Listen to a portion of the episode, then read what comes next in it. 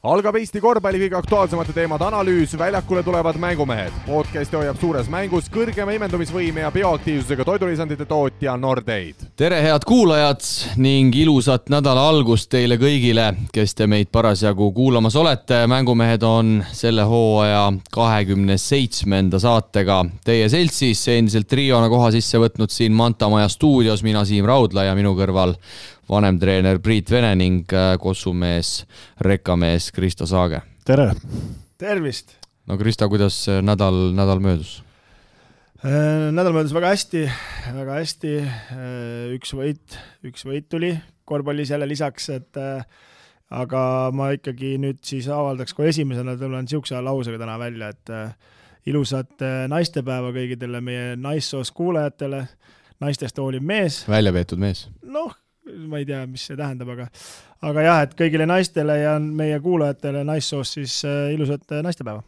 ühineme. Priit, kuidas sul eelmine nädal? praegu on pausi aeg, aga ilmad olid ilusad ja ma arvan, kõik said väljas äh, midagi muud teha, et kas või niisama jalutada, et pole mõtet kuhugi nina pista praegu. jaa, ma siin plaanisin hakata jooksutrenniga tegelema, aga kuna mul jää tuli jälle maha, et ei saa veel, peab seda edasi lükkama, et suuski pole enam ka mõtet endale varuda.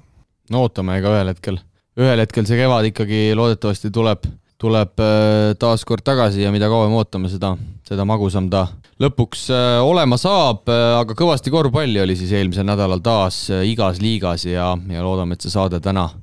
täna väga pikaks ei lähe. meil täna loodetavasti on üks, üks kauge kõne ka, ei hakka siin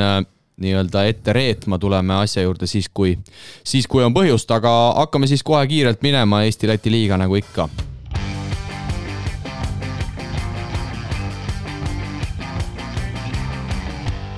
märtsikuu on kohalikus liigas täie hooga käima lükatud ning äh, kalendri kolmanda kuu jooksul peaks ära mängitama lausa kakskümmend kaheksa korvpallikohtumist. eelmisel nädalal toimus Tallinna Kalevi ärajäetud mängude tõttu neid vaid neli, kui alustati Tartus ja, ja peeti selle hooaja, võib öelda, et üks tulisemaid, kui mitte kõige tulisem mäng Tartu meeskonna ning Rakvere Tarva vahel. võitja väljaselgitamiseks läks vaja lausa kaht lisaaega ja lõpuks jäi peale kodumeeskond numbritega sada neli, sada üks. Kristo, sina, ma tean, et seda mängu jälgisid, nõustud sa minuga, et Kossu fänni jaoks kindlasti selle hooaja üks ägedamaid mänge? jaa, et äh, oli nauditav vaadata, kuigi ütleme nii, et seal äh, üks ees, teine taga ja kordamööda muudkui ka vahetasid ja suutsid ikkagi sepistada kaks lisaaega ja, ja no Tarvas andis selle mängu ikkagi, ütleme nii, käest ära, et äh, tema käes, õigemini Kluditise käes oli kaks korda võimalus see mäng ära lõpetada, aga käkerdas ära, et nii normaalaja lõpus kui lisaaja lõpus. jah, puhtalt äh, Rakvere kaotus, et äh, noh, mäng mänguks võrdne mäng, mõlemad pusisid nii nagu oskasid aga, aga ja vormistamine, no Tormi-Niits pani sealt ka ühe vabaka mööda ja no see oli juba teisel lisaajal jah, ja, ja, ja nii ta, nii ta seal läks, et, et tegelikult kogu selle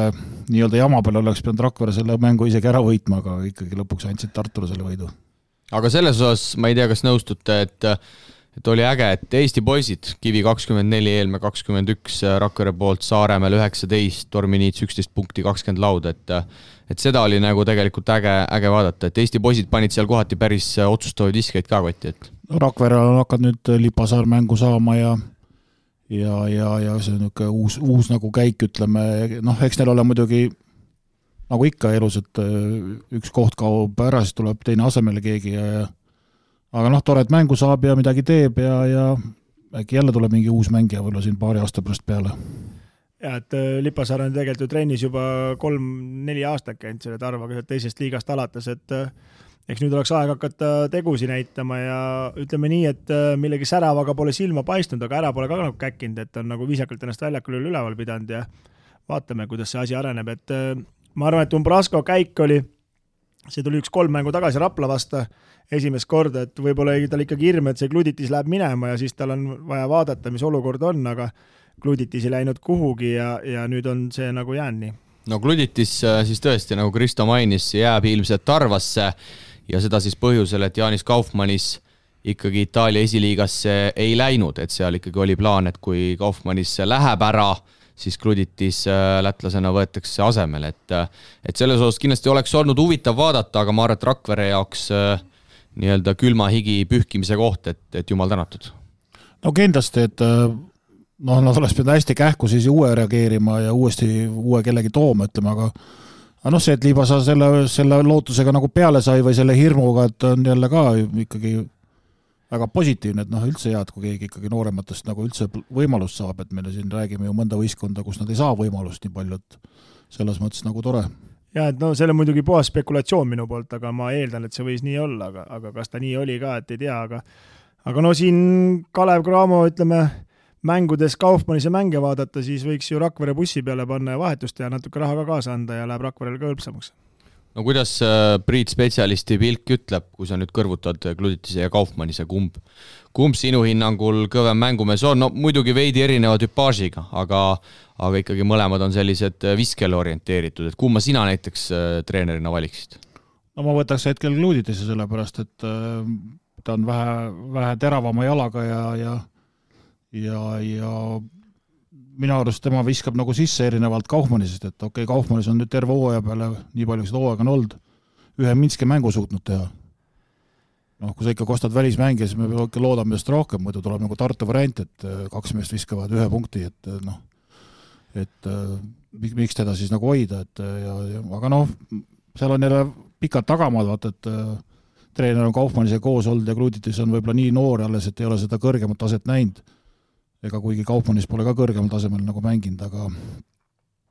aga hetkel on jah, et ei ole nagu selles Kaupmannis Cramole küll mingisugust abi, et noh, võib-olla siin tulevad mingid lahjemad Estikate mängud, kus ta saab jalad maas kaheksa pealt panna, aga noh, Kluditis vähemalt läheb läbi, vajutab ülevalt, et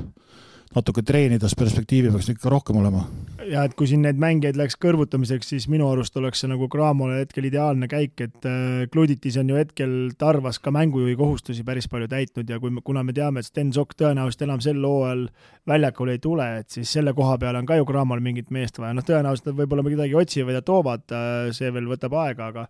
aga see oleks nagu ideaalne käik olnud. aga jah, kui võrrelda, siis äh, Kaufmannis olgu öeldud kolmkümmend üks eluaastat ja Gluditis kakskümmend viis, et tegelikult seal selles osas ka kindlasti Gluditis on kõvema, kõvema potentsiaaliga, aga läheme siit edasi, neljapäeval Cramo-Pärnu siis, lisaajal Cramo suutis lõpuks võita seitsekümmend kuus, seitsekümmend üks ja lisaajal Pärnu viskas ühe punkti. et tegelikult ma seda mängu lõppu ka nägin, neljandat ja lisaaega, et Cramo ikkagi pakkus päris metsikult, aga Pärnul ei läinud visked ja kuidagi ei tahetud seda võitu vastu võtta no Priidul on niisugune nägu, et ta vaatas terve selle mängu ära, et alustas A-analüüsiga. no ma arvan, lõpus seal Pärnul hakkas nagu niisugune mõte liikuma, et, et mis nüüd saab, kui äh, võimalus võita on, et äh, et ei uskunud nagu seda asja ja, ja kuidagi hakkas pall mingil hetkel kinni jääma, Maksuuni seal jättis paar äh, korda söötmata ja ja võttis rasked visked ja ei tulnud nagu niisuguseid loogilisi lahendusi, kus oleks saanud proovida vabalt, ütleme, et kui sa kogu aeg Cramo vastu proovid viis korda järjest üle käte ja rasket viset võtta, siis on raske võita, et lihtsam oleks olnud ikkagi võtta sellised visked, kus keegi saab vabalt proovida. no mis ma seal tähele panin, et äh, ma ei oska öelda, no tagantjärgi tarkus, ütleme nii, et äh, Pärnu kaotas selle mängu, aga üks moment oli seal äh, kuuskümmend kuus, kuuskümmend kaheksa seisul, ei mäleta täpselt, palju seal mängida oli, see oli normaalajal ja Jaunsemp sai täiesti üksi kolmese taga ja vend ei julgenud peale visata ja, ja mängisid nagu pika rünnaku, lõpuks sealt korvi ei tulnud, aga, aga no no teine asi oli see, et äh, ega Cramo pakkus ikka võimsalt, ikka tegi niisuguseid lahendusi, mida väga Kalev Cramo esituses ei näe, aga no Pärnu ei olnud valmis seda nagu vastu võtma, et äh, seal oli ainult tegelikkuses vormistamise küsimus ja mis huvitav minu jaoks oli, et äh,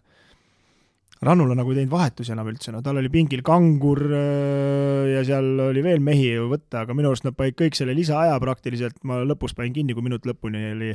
aga, aga, aga seal oli vahetusi võimalik teha küll, aga nad ei teinud ühtegi. No kui sa Kanguri juurde juba tulid, mis,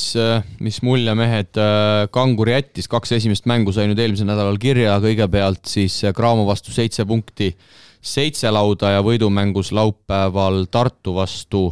tuli siis kahekümne minutiga seitse punkti ja neli lauda, lisaks ka kolm, kolm söötu. ma seda, seda Pärnu mängu kommenteerisin Tartuga, et äh, seal jättis küll ikkagi Kangur päris hea mulje, et, et klappis meestega nii-öelda ikkagi ilusti juba juba praegu. no vot, see on see efekt, et kui tuleb ikkagi üks vanem mees, ega siis äh, nooremad hakkavad natuke vaatama ja ja võib-olla soomlane oli kõige rohkem ajas mind nagu närvi, et jättis Kangurile seal päris mitu head söötu nagu üldse andmata, et seda mängu nagu edasi arutada või lahti tõmmata, et tahtis hirmsasti ise näidata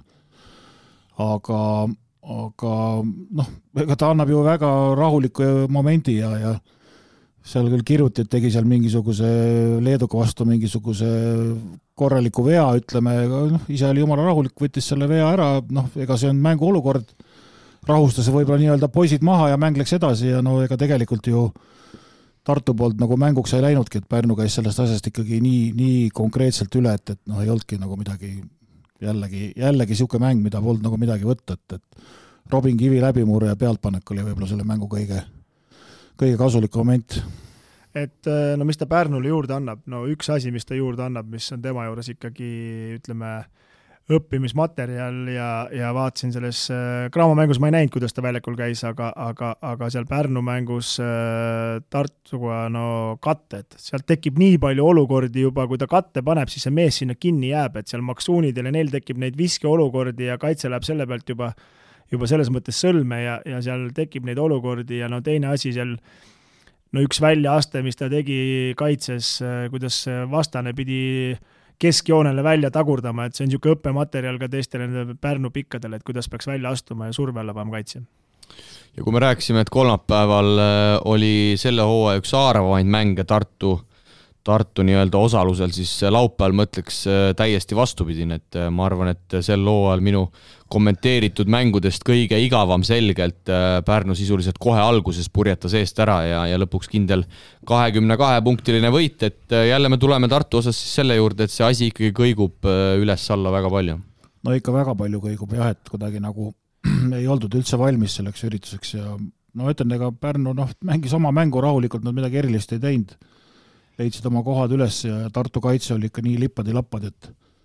et äh, seal ikka osade meeste kohta on nagu suured küsimärgid, et mida nad seal nagu toimetavad üldse, et äh, aga noh, eks elu näitab. no siin on minu arust nagu väga lihtne analüüs, et äh, nii kui panna Tartule meeskonnad, kes otsivad korvi alla ja vähegi kaitset mängivad, siis nad on sõlmes, noh et äh... no selles on sul õigus jah, sellepärast et äh, minu arust äh, Kalevist tulnud mees äh, Vembi. Vembi viskas kümme punkti, esimesed kuus tulid tal keskpositsioonilt, siis ühe korra ta peaaegu jõudis korvi lähedale, astus sammu tagasi ja rohkem teda seal korvi all ei olnud, nagu ütleme, et, et noh, et äh, siis on väga raske ikkagi noh, Lauris Plaus teeb temaga põhimõtteliselt, mis tahab, Kangur paneb ka väikse õla, juba ta on kuskil kaugemal, nii et no seal surutakse lihtsalt jõuga ära, et, et no ma ei tea, tore poiss Balanchunas, aga no ainuke asi, mis tal ilus on, on soeng, noh et muu on täitsa nagu andetu korvpallur. paistab nagu välja vähemalt ja ühtegi nagu head liigutust ei tee ja, ja, ja noh, ma ei tea, võib-olla lootus on, et ta hakkab võib-olla paremini liikuma, aga hetkel igatahes küll, et mis võistkonnad äh, sobivad Tartule, TalTech ja Tarvas, noh, lähme jookseme võidu, jõuame joosta ja viskame sisse, kumb rohkem viskab, seekord viskasid mõlemad korrad Tartu rohkem sisse. no kui me tuleme korra veel Kanguri juurde, siis äh, mis mulle selles mängus silma hakkas, oli see, et äh, nii Baltsunas kui Vembi jäid Kanguri vastu ja no ei tahtnud kuidagi sealt üks-üks tegema minna. no ei tahtnud, ei tahtnud, ma räägin. et see on nagu ka, mis Kangur annab ikkagi juurde, et väike see autoriteet õlg vastu ja juba, no juba mehed on kaugemal ja, ja noh, siis tuleb Plaus säraprausa kõrval ja siis kohe oli sellel teisel lätlasel ka ruumi ja, ja no seal noh, tulles tagasi tegelikult see Cramo märgu juurde, okei okay,, et see lätlane selle kolmes jättis võtmata, aga ta viskas ühe valusa korvi alt mööda, kõik oli ilusti välja mängitud, korralik põrkesööt tuli. tõstis alt tühja koha pealt täitsa mööda, aga aga nende, nendel oli ikka üks käik juures, no seda oli soojendusel näha juba, ma vaatasin seal Juhan Kärpsal juba platsi peal oli niisuguse näoga, ta kindlalt teadis, et see mäng tuleb ära, sellepärast et nüüd on nagu noh, igas liinis on nagu seda abi veel nii palju olemas ja kui sul hakkab paanika tekkima, ikkagi paned seal paar kogenud mängijat juurde ja kohe rahustatakse maha, mängitakse plausilt alt läbi korralikult, see tõmbab juba kaitse nii palju liikuma, et et noh, ei olegi nagu midagi öelda, et päris korvpalli moodi hakkab juba lõpuks tulema, et, et siin on kõvasti mõtteainet järgmiseks aastaks, et keda jätta ja keda juurde vaadata, et, et noh, mina arvan, niisugune Plaus peaks siin back-up'ina kindlasti olema, kes ei ole maailma kallim mees, aga oma, oma tase mängib välja ja on mänginud ka suuremat korvpalli, nii et see peaks olema üks kindel käik ja kui Kristjan ka veel ära, ära kannatab, siis keegi, keegi noorematest seal kõrvalt saab kõvasti õppida ja toimetada. No jah, et äh, mis ma veel korra tähele panin, et see Pärnu alustas seal väga bravuurikalt ja, ja läks kohe kindlalt ette. Ja siis seal äh, Tartu tegi mingi kiire mingi, ma ei tea, viskas mingi kaks-kolm korvi ja siis, kuidas Kangur võttis palli ja ütles, teeme rahulikult, võtame rünnaku, et ta oli nagu väljakul, kontrollis nagu olukorda, et ei pidanud Rannule seal nagu sekkuma, et tal on nagu ka vähe kergem. ja nädala viimane mäng siis pühapäeval oli see siis äh, juba plaanitud tegelikult reedel, aga kuna TalTechi poolelt Erik Keedus ootamatult haigestus, siis äh, ikkagi ei hakatud Korvpalliliidu poolt riskima. lõpuks Keeduse test oli posit- äh,, negatiivne muidugi otse loomulikult ja see mäng mängiti siis pühapäeval. meie, Priit, Kristo kommenteerisime samal ajal VTB mängu Graamo Avtotor, sina nägid Tarvas TalTechi täispikkuses, et et räägi siis, mis juhtus, Tarvas võitis üheksakümmend, seitsekümmend seitse, seda me teame. no see on jälle hea näide, et Tarva poolt ju Tarvase ameeriklase tsenter ei mänginud, kuna ta sai eelmine kord eemalduse ja ega no Rakverel korvi all praktiliselt mitte kedagi ei olnud. ja, ja no TalTech ei osanud seda absoluutselt ära kasutada, nad ei jõudnud sinna korvi alla. kuigi Matute Berner tegi tegelikult seal mõned korralikud liigutused ja sai seal mõned lauad, aga aga lõppkokkuvõttes võitis võistkond, kes rumalaid rohkem ro,, rohkem rumalaid viskeid sisse viskas, nii et äh, täitsa niisugune üles-alla korvpall ja, ja see Rakverele meeldib ja, ja, ja nad ikkagi sõid rahulikult selle TalTechi lõpuks ära siin veerandaja skoorid näitavad ka, et üks võidab kaheksateist, seitsmeteistkümnega Tarvas esimese veeranda, siis saab kaheksateistkümnega teise veerandaja tappa ühega taga, siis võidab jälle viieteistkümnega ja noh, niisugune nagu ikka täielikud Ameerika mäed, et aga lõpp läks kindlalt Tarvale, et äh, polnud no, nagu mingit äh, varianti. kahjuks küll jah, selles mõttes TalTechi kahjuks, aga minul on muidugi hea meel, et Tarvas võidab, aga no kuidagi need jõujooned hetkel ikkagi tundub, et on ära vajunud, et äh, Kraam on kindlalt paigas, Äh, Pärnu on kindlalt paigas, Raplat ma ei näe ka, et keegi ohustaks sealt kolmanda koha pealt, et nüüd jääb neljas kuni seitsmes välja mängida. ja Tarva poolelt siis äh, Tormi Niits kakskümmend viis silma ja vaid kahekümne viie minutiga, et kui ma siin pärast seda kolmapäevast mängu spekuleerisin, kui Tormi mängis Tartu vastu koguni nelikümmend viis minutit ja pani lõpus need otsustavad vabavisked mööda, siis tundub, et äh, ikkagi oli päris värske ka pühapäeval. jaa, ei talle, talle see edasi-tagasi jooksmine väga tollel päeval meeldis ja ja ega kaitset ei olnud ka, mis teda väga takistaks ja tal oli ruumi ja tal oli kõike teha, nii et, et noh, seal polnud mingit, mingit muret, tal nautisin mängu täiega. no siit näitab statistika ka, et äh, Tormi Niits võtab neliteist kahest, viskab üheksa sisse, eks, ja, ja, ja teinekord ta ei saa üksipäine korvi altki neljateistkümnest üheksa sisse ja ainult ühe kolmese võttis, et äh, paranda mind, aga kas Tartu mängus võttis kaheksa kolmest või? Üks mäng ta lahmis seal kõvasti neid peale, aga need tal ei kuku, noh, ja Pärnu, selles mõttes Tartu hästi mängis ja sundis teda viskama ja ja hetkel ta peab selle kallal kõvasti tööd ja vaeva nägema. ja nagu ma mainisin, märtsis siis mängitakse ära kokku kakskümmend kaheksa mängu ja see nädal tuleb ka ikkagi väga tihe, teisipäeval juba alustatakse Pärnu-Tarvas Rapla Cramo, kolmapäeval Tartu, Tallinna Kalev, TalTech Cramo, no sina oled ka ilmselt Priit Tallinna Kaleviste tegemistega kursis, et kolmapäevane Tartu Tallinna Kalevi mäng, Kalevi mehed on siin pikalt isolatsioonis olnud, kas on üldse lootust, et see mäng toimub? ma arvan, et pigem ei, sellepärast et nad saavad teisipäeva õhtul esimest korda kokku, et äh, seal osad mehed pole uusi, uusi mehi üldse näinudki veel oma elus, et äh, päris niisugune huvitav oleks, kui peaks, peaks sellise kahe nädala pealt minema ilma treenimata Tartu vastu, et äh, pigem, pigem on realistlik võib-olla, et selle Tarvaga mängu teevad, et see Tartu mäng proovitakse kuskile ära lükata, ma tean, et sellest on juba alaliiduga minu arust juttu tehtud, et, et natuke ebareaalne seis. aga siin on nagu huvitav vaadata nüüd, et äh, Tallinna Kalevi mäng ei ole sellel aastal sujunud, aga nüüd tegid niisuguse koroona sunnitud pausi, et äkki siin nagu meestel loksusid mõtted ja asjad paika ja tulevad hoopis teise hingamisega ja, ja ainult paremaks saab minna, ma arvan. nojah, me ei, vaata, me võime siin ennustada jälle, et ega me ei ole ka ju neid uusi mehi näinud üldse, et, et me ei ju ei tea isegi, mis positsioonide mehed nad on ja mida nad teevad, et see on päris päris kõva üllatus tuleb see, kui esimene mäng jälle Kalev mängima hakkab, et noh, nii palju ma tean, et äh, Sine, Edi Sinedinovitš on äh, vabariigi tolmu jalge alt pühkinud, et, äh, et teda enam pole, et aga mis see nüüd Kalevi käigud seal on, noh, tegelikult on ju, mis sa, Siim, ütlesid, kaheteistkümnendani on aega registreerida, äkki tuleb veel keegi reedeni jah, siis kõikidel klubidel võimalik üks mängija juurde tuua. no see on nagu muidugi päris sellepärast, et no Kalevil on ju see välismaalase koht on ju olemas tegelikult üks, nad ei pea lisa maksma, noh et, et sellise käigu nad võivad ju veel teha. no see on muidugi päris mõnus pimesi ostmine, kui ühtegi mängu ei saa mängida nüüd teisipäeval kokku ja reedeks peavad ühe mehe juurde panema, et päris äh, kõva analüüs peab tulema siis äh, ütleme, treenerite poolt, et äh, vaadata, kas need uued mehed sobivad ja kas on vaja, et kahe päevaga pead pildi selgeks saama ja siis pead veel mehe ka leidma. no järgmisel nädalal igatahes mehed oleme, oleme targemad, kuna reedel läheb see lukku ja, ja eks siis ole näha, kas, kas, kas ja kes mida, mida keda lisab. igatahes, nagu ma ütlesin, väga palju mänge on järgmisel nädalal ees ootamas, jääme ootama ja, ja jääme jälgima, aga lähme siit Euroliiga rubriigiga edasi korvpalli Euroliiga kuumimad teemad aitab mängumeestel teieni tuua Eesti Kütusepank, Terminal Oil eelmisel nädalal siis sai Euroliigas mängitud selle hooaja eelviimane topeltvoor, mis pakkus äh, hulgaliselt põnevaid ning play-off kohtade osas otsustavaid mänge. no Priit, kas ja mis meil siis eelmise nädala mängudega seoses selgeks, kas siis sai või, või siis ei saanud? Noh, tuli ära siis see, mida me oleme rääkinud, et Imki sai oma võidu kätte, et ma ei tea, mis oli, sada üheksa päeva või sada viis. oota, oota, Priit, ma panen ikka aplausiga et ikka iga päev imki ei, ei võida, nii et see sai ka nüüd ära pandud. aga tegelikult äh, ütleme, et äh, ega see, me siin küll eelmine nädal arvasime, et, et peale seda topeltvooru on siin nagu juba midagi selge, aga tegelikult lõi see tabeli veel rohkem sassi, et mitte küll selle koha pealt, et kes äh, tõuseb, vajub kaheksandast allapoole ülespoole,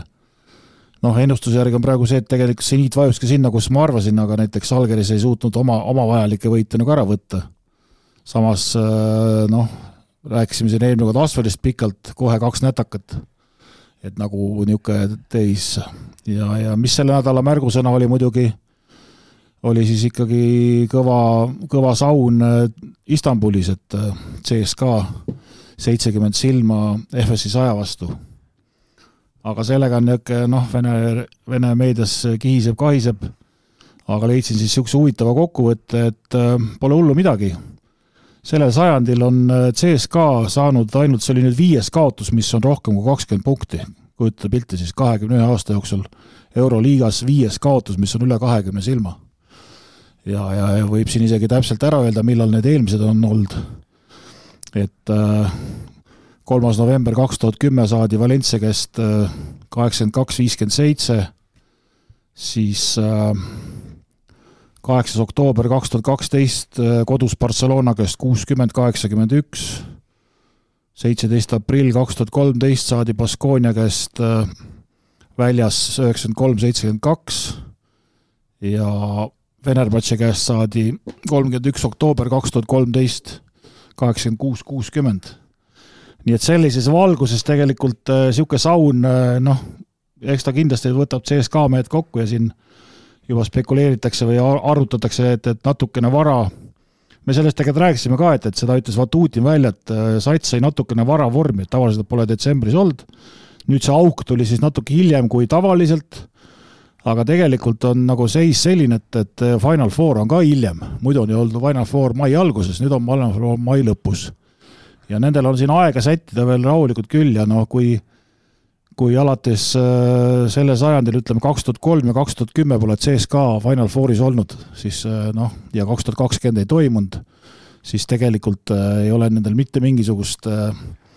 otsest hirmu, turniiritabelis teine koht, et siit on ainult, ainult edasi minna. jah, et eks seda ka ütleme,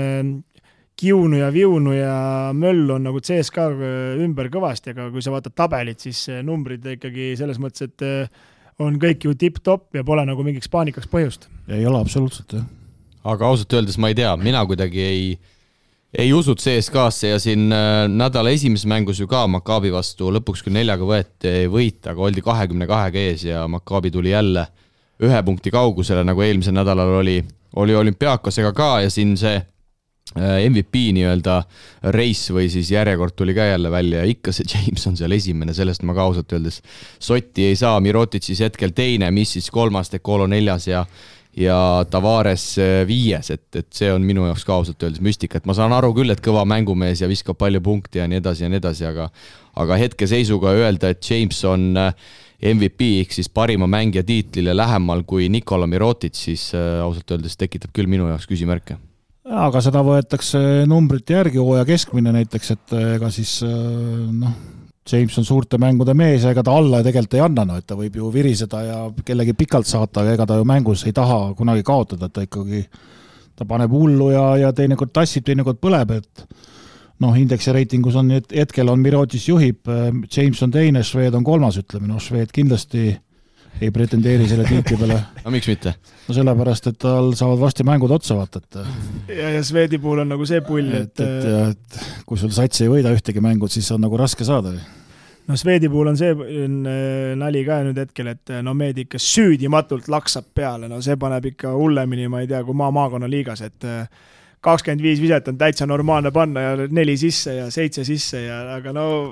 no ju siis nii peab olema, noh et no muidugi no. Jordan Mikki teeb võimsaid numbreid ja kasuliku teguriga nüüd, aga võite ei tule jällegi. no üks tuli. no üks tuli juba jah, et, et ega siit on ju ainult tõusta, et ega nüüd ei ole sinna kuhugi langeda ja, ja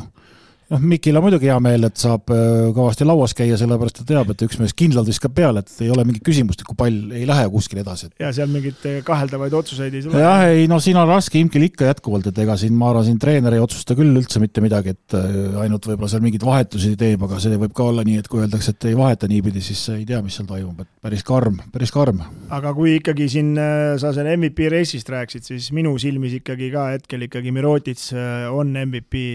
ja no, või siis Misic, ma ütleks isegi. ei, ma ikkagi seda Misicit no Misicil on veel pikk maa minna, teda ei ole siin isegi viie hulgas praegu. ei, Misic kolmas. aga sa mõtled indeksis? indeksis, jah ja, ja. ja, ei no seal vaadatakse indeksi järgi puhtalt, et seal muud, muud juttu nagu pole. et ma ütlen ikkagi selles mõttes, et Mirotic ikkagi oma kasulikkuse teguriga ja kuidas teda muidugi leitakse ka, aga ta ikkagi lahendab ka ikka kadestamisväärselt, et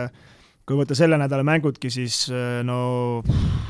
julm, kuidas ikkagi selle Äh,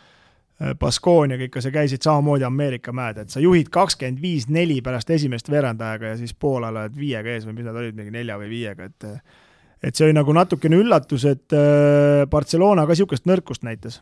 no kõige kuumem sats ikkagi, ikkagi hetkel Euroliigas võib vist öelda, on Anatolu Efes, järjekordsed muljetavaldavad võidud kodus Valencia pluss kuusteist ja ja noh, CSKA mängust Priit juba rääkis, kolmekümnega siis taoti kodus äh, CSKA üles, et äh, vaadates siin eelmiseid nädalaid ka, Fenerbahcele pandi ka korralik pakk, siis äh, tekibki küsimus, et kes peatab Efese ja Ataman siin ka ikkagi läheb aina bravuurikamaks, ütles veel, et ollakse veel paremad kui eelmine aasta. no ega ta võib isegi öelda, et hetkel ei ole valetanud, et, et noh, nad on küll tõusnud viiendaks, aga samas on nendel seitseteist võitu, CSKA on teine, kaheksateist võitu. siin on äh, kahe, kahe mängu teema, kus sa võid turniiritabelis rahulikult äh, teise koha võtta, saad play-off'i eelised, kõik asjad enda kätte, noh no siin on muidugi, nende kahjuks räägib muidugi see roll, et äh, nad said ju CSKA käest väljas kolmekümne kuuega ja nüüd võitsid kolmekümnega, et äh, pärast esimest poola või veerand aega olid nad juba pea kolmekümnega ees, et siin oli ikkagi, oleks olnud vaja seda kolmekümne seitsme punktilist võitu ka, aga seda nad ikkagi ei saanud kätte, et äh, või ma eksin, ajan, ajan praegust kärbest teile või? ei, kõik on õige, aga, aga noh, see, nad peavad esiteks sinna jõudma ja see peab noh, juba kokkusattumus olema, et, et et tegelikult siin edasised mängud nagu näitavad, et äh, kes keda, aga mis me saime kokku võtta, et, et noh, Armani kolmas äh, hoiab oma kohta turult, aga noh, kiidame sakslasi, et Bayern ikkagi kogu selle, kogu selle raskuse peale neljandal kohal jätkuvalt, äh, mida me ei arvanud, väga soliidne ja, ja võitlevad lõpuni ja hästi mängivad, noh. Reali kukkumist ennustasime, Real ongi, näed, kuuendaks langenud, et et tänu sellele seniidi võidule, mida nad üsna kindlalt tegelikult võtsid, vaatamata seisule, nad hoiavad kuuendad, oleks sealt nätaka saanud, oleks olnud seniit ise seal kuuendal ja Real kaheksandal kohal, mida pole ammu nagu näha olnud, et et niisugune raske läheb nendel. jaa, et siin ütleme, selle kõik selle virvarri ja nende mängude eh, valguses tegelikult Bayernit nagu tähele ei pane, aga vaikselt võtab oma võite ära ja hoiab kindlalt neljandat kohta, aga, aga selle EFS-i juurde tuleks tagasi veel, et no Ataman leidis ju mingi täieliku jokkeri endal sealt pingi pealt, no Sun Lee, no mees paneb nagu kulda, no anna ainult palli, pöörded, värgid, kolme, mida vaja on, no et selles mõttes kadestamisväärselt mängib. no vaatasin järgi ka, et mis mehega tegu on ja ja ausalt öeldes täielik tuhkatriinu eh, Kristo sõnade kinnituseks, et eh, Türgi liigas on vaikselt toimetanud terve karjääri, kolmesed Valenciale kolmest kolm üldse siis äh, EFS tegi ju klubi rekordi kolmekümne ühest kaheksateist, tolles mängus siis paugutati kaare tagant ja, ja et sellest veel vähe ei oleks, siis CSKA-le pani ka neliteist silma, et et seal Place'i vigastatud oleku aja jooksul on Ataman seal jokkeri ka veel leidnud. nojah, ja kui me võtame lahti mängude kava, Makaabil on, või sorry, FS-il on väljas Makaabiga mäng vahele jäänud, noh, eeldame, et selle nad peaksid võitma, kui nad bravuurikalt edasi lähevad kodus Žalgiris, väljas Bayern, kodus Panathinaikos, väljas Real, väljas Baskonia, väljas Armani. et siin äh, lõpumängud on rasked, aga vahepeal siin võib tulla neli võitu näiteks veel järjest, ütleme, mis lööb tabeli päris, päris kuumaks, et, et, et äh, kõik jääb üsna lõpu peale. no üks asi muidugi EFS-i juures, mis äh, ikkagi meie kaassaatejuht Priit ikka täiesti mööda pani ja ütleme, minu äh, selle Euroliiga Fantasy nahka keeras, et äh, reklaamis mulle mingit muusat, ma ei tea, seda venda pole rosteriski, kuule, kus see NBA muusa sul on nüüd? no vaata, väike käru ikka kurat käib asja juurde, muidu sa oleks ära kuskil seal mingis suvalises korvpallis, et ei tea, mida peale hakata. jah, et ma lihtsalt äh, vaatajate huvides, et meil on seal üksteist liiget ja teiselt kohalt olen pärast muusat põmm viimaseks kukkunud, et täitsa täitsa nagu prügi olen seal, et aga, aga täna küsisin ka Siimu käest, et kuule, kus see Musa on, ta ütles, et Türgi liigas tegi peaaegu triple-tapeli, et, et seal nagu toimetab, et peaks vist selle Türgi liiga fantasy poole vaatama. no ei tea, ei tea siin, mis, mis seal nagu sisemises toimub, ega Atemann ei ole lihtne mees ja, ja ma ütlesin juba siin paar saadet tagasi, et ju Musa tegi va vale valikut, võib-olla Efes oleks või sorry, Ülker oleks tal äkki olnud parem valik või keegi teine, aga noh, vaatame, et ega siis hooaeg pole läbi veel aga kui meie mees äh, Sander Raieste siis äh, topeltvoorus äh, ühes mängus sai kaks minutit väljakule, siis Rootsi mees Markus Erikson paugutas kolmanda mehena Euroliiga ajaloos kümme kolmest, kolmkümmend kuus silma, kolmesed kolmeteistkümnest kümme, Pirn nelikümmend üks ja topeltvooru MVP, et kellele pani, on aimu? no eks ta ikkagi meie sõpradele sealt oblastist. aga Imkiga tuli veel see huvitav meelde, et Timma tegi ju soojenduse kaasa ja olevat kuulnud, et ei kuulu algkoosseisu Maltsevi poolt ja jalutas saalist minema. astus, astus minema jah, sellest, selles oli ka venelaste pressis oli artikkel, et jah, et nii, nii see on, sellepärast ma ütlesin, et seal treener väga ei kontrolli, et seal isegi vahetustega ei määra, ma arvan. ja seal kaardimaja vist kukub ikka täitsa kokku, Bertans läks juba minema, peale topelttooru nädalat pidid minema ära ka Miki ja McCollum. Ja mängijatele ollakse siis teadaolevalt kolm kuud võlgu, ligi kolm miljonit eurot. Ja Jerebko, Monroe, Puhker, Jovits on juba lahkunud, et tundub, et see, see imki ikkagi jääb, korralikud räbalad jäävad alles siin hooaja lõpuks. no ja ega neil VTB tabel, kuhu me jõuame varsti, ei ole ka midagi säravat, et et kui veel peaks tulema niisugune pauk, et nad seal kaheksa hulka ei saa, siis on see klubi ikka täitsa, täitsa laevakil no siis ikka annab ikkagi, pead ikka päris hea müügimees olema, et siin Covidi ajal ikkagi see järgmiseks aastaks see raha kokku saada ja kas neil on garanteeritud Euroliiga koht või? ei ole minu arust. venelastel on, jah, just, just, ma pigem olen ka seda meelt, aga et pead ei anna. et CSKA-l on garanteeritud ja teine siis äh, VTB-s, ütleme, kui CSKA ei võida, võidab, tähendab, siis teine koht saab sinna Euroliigasse, siis no järgmine aasta ilma Euroliigata ei, päris karm löök. aga räägime, mehed, Fenerbahcest ka pärast seda korralikku kolakalt EFS-i vastu võeti tegelikult kaks väga kõva võitu, olgem ausad. kõigepealt siis äh, võõral väljakul Milano ja nagu me teame, Milano ei ole üldse kehva punt ja, ja siis võeti tegelikult veel kuum Asvel ka võõrsil ära ja ja mõlemad mängud ikkagi tiriti lõpuga välja, ehk siis see näitas veel eriti, ma ütleks, Fenerbahce nii-öelda iseloomu ja siin tuli vahepeal välja ka veebruarikuu MVP Nikola Kalinic siis äh, on tegemas väga head seitsmendat hooaega viisteist koma kolm punkti, viis koma seitse söötu, kolm koma seitse lauda siis äh, veebruarikuus, et äh, et siin Fenerbahce ikkagi tuli, tuli nii-öelda rongirööbastele tagasi, et De Colo tegi kaks kõva mängu ja, ja see seeria nii-öelda jätkub. jaa, see kuidagi, kui nad vahepeal ikka täitsa ujusid, vaata, me kahtlesime, kas nad saavad seda pilti nagu paika, siis nüüd võib öelda, et nad on jõudnud nagu sellisele lainele, kus kus nagu nad toetavad üksteist ja nad nagu võitlevad iga, iga väikse palli võimaluse pärast ja, ja ja, ja kuidagi Decolo on nagu natuke maha rahunenud, et ei tegele seal võib-olla oma asjadega nii palju, et rohkem vastaseid äh, ruineerib ja ja ikkagi see Kuduritši tulek äh, andis ikkagi selle viskekoha nagu juurde ja, ja ja eks ta läheb aega, et ega noh, treener ju ka tegelikult äh, pole ammu Euroopas olnud ja, ja ei, ei hooma kõiki neid momente, mis siin Euroliigas nagu on, et, et et seda näiteks võib ka Salgese pealt näha, et siin treener Vesko katsetab mingisugust imelikku maa-ala, mis ainult endale sisse toob, et vot sealt G-liigas või D-liigas, kus ta seal oli, seal nagu on seda aega, eks ju, seal ei ole nagu selles vastutust, et sa selle ühe mängu ära annad, aga siin Euroliigas on paraku nii, et, et siin ei saa ühtegi asja katsetada, et siin tuleb ainult kogu aeg täiega panna, et, et siin ei ole mingisugust katsetamise kohta ja ega Kokoškovil ei ole ka lihtne, et, et äh, noh, ikkagi tule, et äh, kogu aeg on sul keegi, keegi tahab sul äh, jalgade alt vaipa ära tõmmata, koduliigas on rasked mängud, ei lähe neil seal ka väga libedalt, et noh, niisugune ikka, ikka karm hooaeg on see Euroliiga satsidel ja et ega Euroliigas iga punkt on ikkagi, iga mängu, ütleme, kaal on ikka nii suur, vaata, et Kokoskov NBA-st tuli, et seal üks päev mängid, järgmine päev mängid otsa, eelmine mäng on juba meelest läinud, et seal virvarr käib ja siis pool hooaja peal vaatavad, et mida vaja muuta, et äkki play-off koht hakkab ära minema, et hetkel ikkagi Euroliigas sa ei saa endale ühtegi nõrkust lubada, sest tabel on ikka tõesti tihe ja ja no ütleme nii, et see kolmik ikkagi Veseli, Decolo ja Kudurits, et see toimib nagu õlitatult ja teised aitavad ka kaasa, noh. no siin Kokoškov siin Asveli mängu järgselt ülistas ka Decolood, et äh, Euroopa Jason Kiidiks nii-öelda tituleeris mehe, et et ikkagi korralik ülistuslaul, esimeses mängus pani kakskümmend Milanole, teises mängus kakskümmend neli Asvelile, et on ka leidnud pärast seda vigastuspausi päris hea hoo, aga ühte tahtsin teilt me veel, mehed, küsida, Pau Gasol neljakümne aastane ja nüüd ametlikult Barca, Barca mees kaks aastat sisuliselt ei ole mänginud, no ma ütlen ausalt, mina arvan, et puhas reklaamtrikk ja see mees ei tulegi sel hooajal Barca särgis väljakule või arvate vastupidist? no ma arvan, et mingi lahkumusmäng ikka tehakse. no jah, aga ma mõtlen nagu ikkagi reaalset korvpalli ma ausalt öeldes ei usu millegipärast. no aga kuidas ta sinna olümpiale muidu hakkab minema, et, et eks ta siis ikka kuskil midagi peab nagu proovima hakkama ja, ja legend on legend ja kes neid legende osatakse maailmas nagu noh, mitte igal pool, aga osades kohtades ikka osatakse nagu austada ja ja noh, me arutasime seda eelmine kord ka, et, et, et jah, see on väga tõeline olnud, ta väga palju ei mängi, aga, aga aga saame näha, et, et praegu,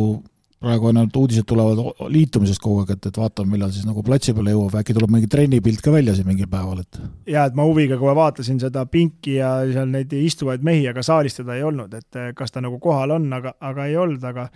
no ma ütlen veel, et ega sellest Ukraina poisist ju kehvem ei ole, et, et, et tõenäoliselt küll äh, Jassikevitš nii tark on, et oskab teda kasutada ja teda võib kuskil vaja minna. Noh. ma lihtsalt, äh, ega mul muud ei olegi, ma lihtsalt ei kujuta ette, kuidas neljakümne-aastane Gasol, kes pole kaks aastat ühtegi korvpallimängi ju mänginud, hakkab neid äh, Davise ja Mirotitši moodi, Smitsi moodi neid step out'e seal panema ja seal hullama seal kaitses, et ma, ma ausalt öeldes ei kujuta seda absoluutselt praegu ette. no ta ei pea kõigi vastu võtta tegema seda, ega see on, siin teed paar aastat pausi, lähed esiliigat mängima, tuled meistrisarjast, ikka kannatad siin mingisuguse ajahetke ära, et, et eks sa samamoodi NBA-st tuled, noh, mingi tase on ju tal ikkagi säilinud, ta ei hakka niisuguseid asju tegema, noh, saab korvi alla palli, annab kaks head söötu, kõik plaksutavad, juba sellest ongi kasu, et, et ei ole vaja üldse nii palju rapsida, et aga järgmine nädal siis uh, uued mängud ja, ja siin on taas selliseid häid, häid lahinguid neljapäeval kohe, CSKA Milano kindlasti on mäng, millel peatuda. tuleb ka Hispaania derbi, El Clasico Real Barca, FS Žalgiris ja reedel Valencia Fenerbahce, et jälle selliseid üliolulisi vastasseise, kus kaotus saab olema väga valus, on, on mitmeid. no võtame Barcelona Real, et kui Barcelona domineerib ka niimoodi nagu karikafinaalis ja paneb siin Realile veel, veel äh, nätaka, siis Reali tabeliseis läheb ikka kogu aeg nagu halvemaks ja halvemaks, et, et siin nagu kindlasti Barcelona mehed vaatavad nagu seda käiku ka, ütleme. ja noh, seniidil vaja olümpiaakose vastu kohustuslik võit võtta, aga olümpiaakos me oleme siin arutanud natuke, et, et ka kõigub üles-alla, aga samas võivad teha mõne niisuguse mängu, et, et kõigil läheb nagu suu lahti, et äh, ei oskagi nagu öelda, et kuidas see kuidas see treener nagu sellel päeval ennast üleval peab, täitsa, täitsa ka selline küsimus, et mis seal nagu toimuma hakkab ja, ja Bayernil ka valus välismäng Baskooniaga, Baskoonia on siin ka viimasel ajal ikkagi hoiab seal sellest äh, kümnenda, üheksanda koha piiri peal ennast ja, ja ja ikka üritab täiega nagu, et ei ole siin nagu midagi lihtne, et ma arvan, et Bayernil tuleb väga raske mäng. ja, ja Venerbahce Valencia, noh, Valencia on jälle siin ka selline karistab siin suuremaid ja saab natuke väiksemate käest, aga ka nendel on veel tegelikult reaalsed võimalused ju tõusta. ja no muidugi elu, elumäng selles mõttes Salgerisel, et äh, siin selle me jätsime vahele isegi, et nad siin Milano käest said kuuskümmend neli, kuuskümmend üheksa tappa ja, ja no ikkagi Milano domineeris terve mängu ja ja nüüd tuleb EFS vasta ja siit ikkagi võib see tuju päris halvaks minna ja nad ikkagi võitlevad ju selle play-off koha eest, et need emotsionaalselt oleks seda võitu kuidagi vaja Žalgirise jah, võimalustesse seal võõrsil FS-i vastu. Ei taha küll väga uskuda, aga, aga muidugi mine sa tea, mis, mis seal, mis seal ära teha võidakse, no kindlasti seniidi kasuks räägib nüüd see, et Tariq Black saadi lõpuks äh, satsi, et äh, see mees ka natukene kosub ja seal on kõva jõud. jaa, aga Kudaitist ei ole praegu, eks, et ma ei tea, kaua ta audis on, et aga siin on üks mäng veel, et CSKA mängib kodus Armaniga, et, et kui me nüüd vaatame tabelit ühtepidi ja teistpidi, kui Real peaks Barssat võitma ja CSKA võidab näiteks, siis CSKA plaksti turniiritabelis esimeseks. et kui... ja kui kaotab, kukub allapoole, et ja, ja samas jälle, kui Real kaotab, kukub allapoole ja ja kui CSKA võidab, siis Armaniga juba, juba kolm vahet, et noh, praktiliselt et, et noh, ikkagi nagu rääkisime, et ei ole siin ei ole siin nagu väga niisuguseid veel seisu, seisu, seisumomente, et tabel kinni lüüa jah, et siin ikka iga mänguga vahet ei ole, kes kellega mängib, see tabel äh, jälle muudab oma asetust, et äh, põnev saab olema need viimased kuus vooru või palju meil jäänud on? meil on äh, jah, kuus vooru, kaheksa oli, nüüd oli kaks ära, kuus peaks olema jah, kaks kaheksa mängitud, kolmkümmend neli kokku. nii et aina, aina põnevamaks läheb ja põnevus kerib ja siin ju Euroliiga boss avaldas ka arvamust, et ikkagi loodetakse publikut ka Final Fouriks saali, aga aga andis, andis aru, et kindlasti see protsent, kui sinna saab lasta, siis saab olema ikkagi üsna väike. no loodame, mai lõpuni on ikka aega veel, et äkki maailm rahuneb maha. no tõenäoliselt meil nii palju raha pole, et kui seal vähe saavad, et äh, selle piletit osta, et selle päris müstilistesse äh, hindadesse, ma kujutan ette, see pileti hind. kus see toimub üldse? Saksamaal äh, Kölnis, nagu pidi olema eelmisel, eelmisel kevadel, suve alguses, kuidas kellelegi, et, et Saksamaal see toimuma saab ja ja eks siis ole näha, kas publikuga või, või mitte. aga siit lähme edasi ja tuleme siis Kalev Cramo ja VTB Ühisliiga juttude juurde.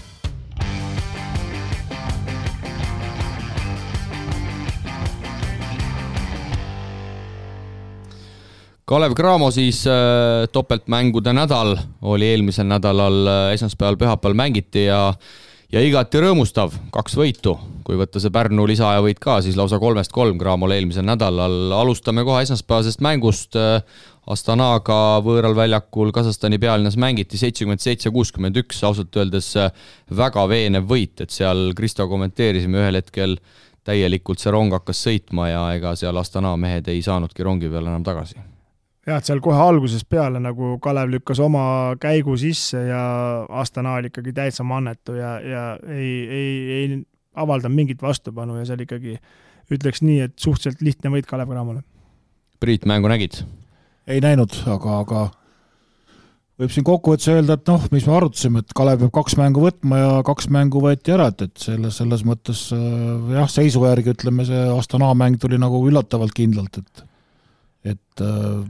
aga teie nägite rohkem seda, et ise oskate rääkida. aga tabelis oleme nüüd kümnendad, tõusime siis ka tänu sellele Avtodori võidule Jenisseis Astanast mööda, oleme kümnendad ja ja Avtodor on siis järgmine sihik meil, aga need on juba kolme võidu kaugusel. no need on kolme võidu kaugusel, aga me jääme nutma seda Parma kahte kaotust, et Parmal on praegu seitse võitu ja, ja, ja meil viis ja, ja oleks seal olnud ikkagi üks kahest üks, ütleme, oleks olnud kuus-kuus, et, et noh, siis oleks veel olnud ju kõik šansid õhus, aga mine tea, äkki meie sõber Imki ikkagi siin veel päästab ka seda tabelit. jah, see meie sõber Imki, aga no nüüd tuleb ikkagi Kalev Cramol ikkagi päris karm graafik, et mis meil siin oli, Unix, äh, poolakad ja siis äh, CSKA, et äh, sealt midagi kätte saada on ikkagi natukene, ütleme, keeruline. ja Unix näitab praegu ikka väga head mängu ja, ja ja, ja, ja, ja Türgi või selle, vabandust, poolakatega väljas oli minu arust see mäng, eks ju et eh, noh, ka toolakad kindlalt hetkel eh, tabelis eh, viiendal kohal, Lokomotiiviga ühe palju võite, kaks kaotust rohkem. noh, hoiavad siin, Niisnist on nad kindlalt ette saanud, ütleme juba üks võit juurde, on juba vahekord kaksteist üheksa Niisniga. hea oli, et Niisni siin võidu välja reebis Astana käest, et me oleme nüüd Astanast mööda saanud. Jenissei muidugi ka näitab tegelikult päris soliidsed mängud, kui siin Jenissei paar võitu saab, et ega me niisugune üheksanda, kümnenda koha peale see mäng käib, et, et loodame, et hoiavad selle koha ära, et päris viimaseks ei jää. no Unix äh, ootab meid laupäeval ees ja, ja Unix siis äh, Eurocupi sarjas siin nädala alguspoole kodus Andorra, Hispaania kõrgliiga satsi pani kindlalt kotti kaheksakümmend viis, kuuskümmend kolm, et siin eelmises saates ju rääkisime ka, et et sealt tuleb ikkagi väga kõva kvaliteet vastu jaa, aga, aga Kalevi mängude juurde veel tagasi, nende mõlema mängu juurde tagasi, et äh, mis nagu positiivsust on äh, nagu süstinud, et Jõesaar on päris heas minekus, et äh, tegi ju ka mingi VTB liiga rekordi number kolme koha peal, kaheksateist lauapalli ja Avtodori vastu pani ikka korraliku haamri ka, et saab jälle mingisse toppi, et no ütleme nii, et Cramol toimivad need asjad, kui Lewis ja Kiin ja, ja Jõesaar nagu oma asjad ära teevad, siis on ikka võidud šansid neil päris head ja pühapäeval siis, äh, kes mängu ei näinud, võideti ka Avtodor kaheksakümmend viis, seitsekümmend seitse, Lewis kakskümmend kuus punkti, et äh, Lewis ka ikkagi on nüüd käima saanud ennast, Astana vastu oli ka võistkonna parim kahekümne ühega, ehk siis kahe mängu keskmine kiirelt arvutades äh, kakskümmend kolm koma viis. jah, no sellest Lewisist me siin mõned saated tagasi rääkisime, et niisugune kehva, kehva nagu loto, ütleme, et, et, et noh, kui on, kui on olemas, näed, siis suudab nagu teha, aga, aga sellel hooajal teda pole ju enamus ajast olnud, ütleme, et, et noh, kõik see oleks pidanud tegelikult juhtuma kolm kuud varem. ja et, et, et sellis, on... selliseid mänge me ootasime ammu, aga nagu meest pole, siis on väga raske seda teha. ja et nüüd on nagu püüdnud, suutnud terve püsida ja vaikselt hakkab oma vormi ka, et mõlemas mängus muidugi, mis oli Kalevi puhul läbiv joon, et esimeses mängus muidu läks kindlalt ette ja siis äh, Astana üritas, aga oli alati vastus olemas, siis Autotoori mängus oli ka, et seal ikkagi kümnega eest tuldi järgi ja siis ikkagi leidsime need käigud äh, nii Jõesaare, Lewisi kui Kiini näol, et kes ikkagi selle võidu meile ära tõid. ja kui Lewisist veel rääkida, siis äh, nii palju kui kõrvu on kostunud, siis kui mees siin vigastustega maadles, siis tegelikult otsiti varianti Lewisest äh, noh, lahti saada on inetu öelda, aga, aga võib-olla et siis kuskile mujale kaubelda, et praegu vaadates esitusi, siis jumal tänatud no jaa, aga kui me vaatame ikkagi nüüd äh, nagu pikemas perspektiivis, et äh, noh, kui kui saad tema asemel kellegi odavama ja noorema näiteks äh, järgmise kahe aasta perspektiivi võttes, siis peaks, peaks selle käigu ikkagi tegema, et, et ega siis VTB koht kümme või üksteist suurt vahet ei oma, Eesti meistrikatel peaks ilma Luisita ka võidud ära võtma. Ja, ja seda Läti, Läti tripi, ma arvan, sellel aastal ei tule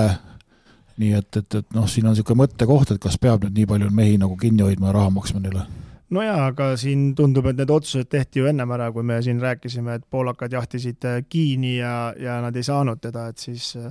järelikult ikkagi klubijuhtidele on tähtis äh, ka see Eesti tiitel ja nui neljaks ära võtta ja VTB liiga kohad on ka tähtsad ja no eks positiivset emotsiooni on vaja, et niisuguse negatiivsega, nagu siin ütleme, kehv periood siin november-detsember oli, et äh, seda enam tagasi ei tahaks. noh, teine asi muidugi on see, et selles on sul õigus, et äh, tiitel on tähtis, see tuleb ära võtta ja ja no kui Siim eelmine mäng luges või eelmine saade luges ju nende mängude numbrid ette, siis see kogus on päris muljetavaldav, et et ega siin üks mees kaob ära ja hakkavad kohe teised ka jälle tõmbama ja siis on raske, et, et võib-olla siin selle mõttega nagu on jälle õige käik, et, et, et mehi peab rohkem olema, noh. jaa, neliteist mängu siis märtsikuus äh, koduliiga VTB peale kokku ja ja infoks veel nii palju, et kuna Saagars ei tulnud ja Soku hooaeg on ilmselt läbi, siis ühte Ameerika meest olevat veel oodata sinna tahaliini, et et ilmselt on, on uudiseid lähiajal oodata selles osas ka no jaa, aga nende Ameerika meestega on jälle see lugu, et kuidas nad nüüd siis ära mahuvad sinna tahaliini, et äh, nojah, Torbek Kaufmannis ka seal veel ikkagi ju. no Torbek Kaufmannis äh, võtavad nagu mõistusega, aga tuleb niisugune vana, kes tahab viisteist korda peale paugutada, siis Kiinile ja hakkab see kindlasti au pihta ja et see võib seda võistkonna keemiaga, see on treeneritele möllamist aga seda, mida me siin võib-olla no kas kartsime, aga spekuleerisime, et kuidas Keen ja Lewis korraga väljakule ära mahuvad, siis vaatasid seda Avtodori mängu kokku nelikümmend üheksa kahe peale ja tegelikult ilusti jagasid palli ära, et, et sa, klapivad päris hästi. no kui sa nii ütled, et teie mängu nägite, et eh, eks nad siis võib-olla lepivad omavahel kokku ja, ja ega Martin Torbek ju punkte ei viska, et, et nendel jääb seda võimalust ju päris, päris rohkem, ütleme, ja ju nad siis nii omavahel on äh, kuidagi ära jaganud selle asja ei no seal on nagu ikkagi läbiv joon, et äh, täna sul äh, seal äh, Autotoori mängu aeg ütlesin ka sulle vaata, et äh, Kiin oli võtnud kaks viset äh, juba, siis tahtis teistele ka sokutada, siis hakkas jube vägisi sokutama ja seal olid käed vahel ja sealt tuli kolm palli kaotust, et äh, et aga noh, kokkuvõttes seal ikkagi mäng on nii pikk ja neil mõlemal jätkub seal seda palli küll hetkel. aga järgmisel nädalal siis jah, Cramol on VTB liigas üks mäng ja see on siis laupäeval kodus Unixiga, lisaks mängitakse siis teisipäeval Raplaga võõrsil ja kolmapäeval võõrsil äh, TalTechiga, nii et Graam äh, oli jälle kolme mängu nädal, et, äh, et just nagu see, mille, mille juures me olime, et see mängijaid on vaja, et midagi pole teha. no midagi pole teha jah, et, et palju on ju vahele jäänud ja, ja tuleb järgi mängida. no Sunelik siis loodetavasti teisipäeval, kolmapäeval Rapla TalTechi vastu võiks ju saada päris head minutid. no võiks, võiks, loodame. no Kaufmannis paneb ka TalTechil tõenäoliselt mingi kümme korda kolme peale, mingi viis sisse ja seal saab särada. aga vaatame, Kalev Cramol igatahes nagu öeldud, tihe-tihe nädal on jällegi jällegi ees ootamas, sellest kõigest juba järgmise nädala saates, aga liigume siit aga julgelt edasi Nordeidi küsimusmängu toob teieni Ubiki nool Q10, elimineerides kurnatuse ja füüsilise jõuetuse. järjekordne Nordeidi küsimusmängu nädal läbi, sedakorda juba järjekorra numbrilt üheksas ning meiega on liitunud, liitunud taas mälumängu ekspert Jaan Allik, tere Jaan! no tere ja ka mälumängule vastajate seltskond on jälle ära vastanud oma küsimusele ilusti. Nagu ikka, on meil neid üle kolmekümne, ma siin vaatan tabelist, õigete vastuste protsent on ka jätkuvalt suhteliselt kõrge. Ja et nüüd anda siis see õige vastus möödunud korra küsimusele, siis kuna kirjalikus küsimuses oli ilusti kirjas, ma ei mäleta, kas nüüd eetrisse kõlas, et mind huvitavad nüüd taasiseseisvumisjärgse Eesti koondise lisaaja võidud ja kaotused siis pean kohe ära õiendama sellise väikse asja, et ka juba tuhande üheksasaja kolmekümne üheksanda aasta korvpalli Euroopa meistrivõistlustel siis mängis Eesti Lätiga lisaaja ja võitis, aga see mind seekord nagu ei huvitanud. ja juhtus niimoodi, et need lisaajad mõlemad mängiti siis Heino Endeni käe all, see oli siis kahe tuhande kolmanda aasta Euroopa meistrivõistluste valiktsükkel, kõigepealt kaotati kahe tuhande esimesel aastal siis Poolale võõrsil ja kahe tuhande kolmandal õnnestus siis valitsustsükli viimases mängus võita Lätit Lätis, mis oli eriti magus võit, üheksakümmend viis, üheksakümmend kolm see, kui ma ei eksi, oli vist Tanel Teini kõige säravam koondise mäng meil. äkki siin äh, spetsid oskavad täiendada, kes äkki on neid mänge kohapeal näinud või ma ei tea, Kristo vist ei olnud koondises sellel ajal veel? kaks tuhat kolm aasta või? jah äh, ei olnud jah, et äh, kusjuures Heino Enden mind ükskord kutsus, lõppes sellega, et sain Pirital teha selle tervisetesti ja rohkem ei kutsutud, et tervis oli juba siis nii läbi või? ei, see oli vist kohustuslik, et ei no ma sellest mõtlesingi, et noh, et kõigepealt tehakse väike maksakontroll ja siis pärast minnakse nagu muude asjade juurde, et kas joostakse jõuab. kahju, et põrused, ütleme nii, ei saanud osa siis sellest uhkest mängust. nii, need õiged, aga nüüd, et siis võite välja selgitada, me peaksime siis valima ühe numbri. ma arvan, äkki las Priit ütleb seekord ühe numbri näiteks ühest kolmekümne neljani ja siis vaatame, edasi saab. võtame siis kakskümmend üks nii, vaatame kohe, kes meil siin kahekümne ühe all on, kahekümne ühe all on äh, meil üks mees, kes kahjuks ei vastanud õigesti, aga me läheme natukene edasi kohe, võtame järgmise mehe. Kurmet Paidra saab seekord auhinna, tal on ilusti kirjas, et võit Läti üle ja kaotus Poolal. nii et palju õnne, Kurmet! jaa, Kurmet võtab meiega nagu ikka ühendust ja, ja toimetame, toimetame mõnusad Nordeidi toidulisandid temani no ja nüüd te tahate vist järgmist küsimust saada, nagu no, ma aru saan? jubedalt tahaks. no kui sul on võimalik anda, aga mul on tunne, et sul on nii hapud viinamarjud selle lisaaja kaotuse üle, et kas ikka valmistasid ette või? E, ja ikka, ikka valmistasin, mul õnneks see küsimus oli enne valmis, kui see lisaaeg tuli ja noh, ütleme nii, et eile oli ka siis väike, see oli eile meil, kui Pärnu mängis siin Tartu vastu jälle, oli ka väike palsam jälle hingel hull aja, nii et kõik on okei okay minuga. nii, aga küsimus on siis selline. seekord ma küsiks ühte Eesti meistriliigas mänginud legionäri. tegu oli silmapaistva mängijega ta mängis Estikat ja siis ühel hooajal meil kahekümne üheksast mängus, keskmiselt kakskümmend kolm minutit mängust, viskas neliteist ja pool punkti ja võttis seitse koma kuus lauapalli mängus. aga eh, möödunud aasta kahekümnendast detsembrist alates on siis see meile hästi tuntud korvpallur, nüüd võiks juba öelda ekskorvpallur, oma kodumaa parlamendi liige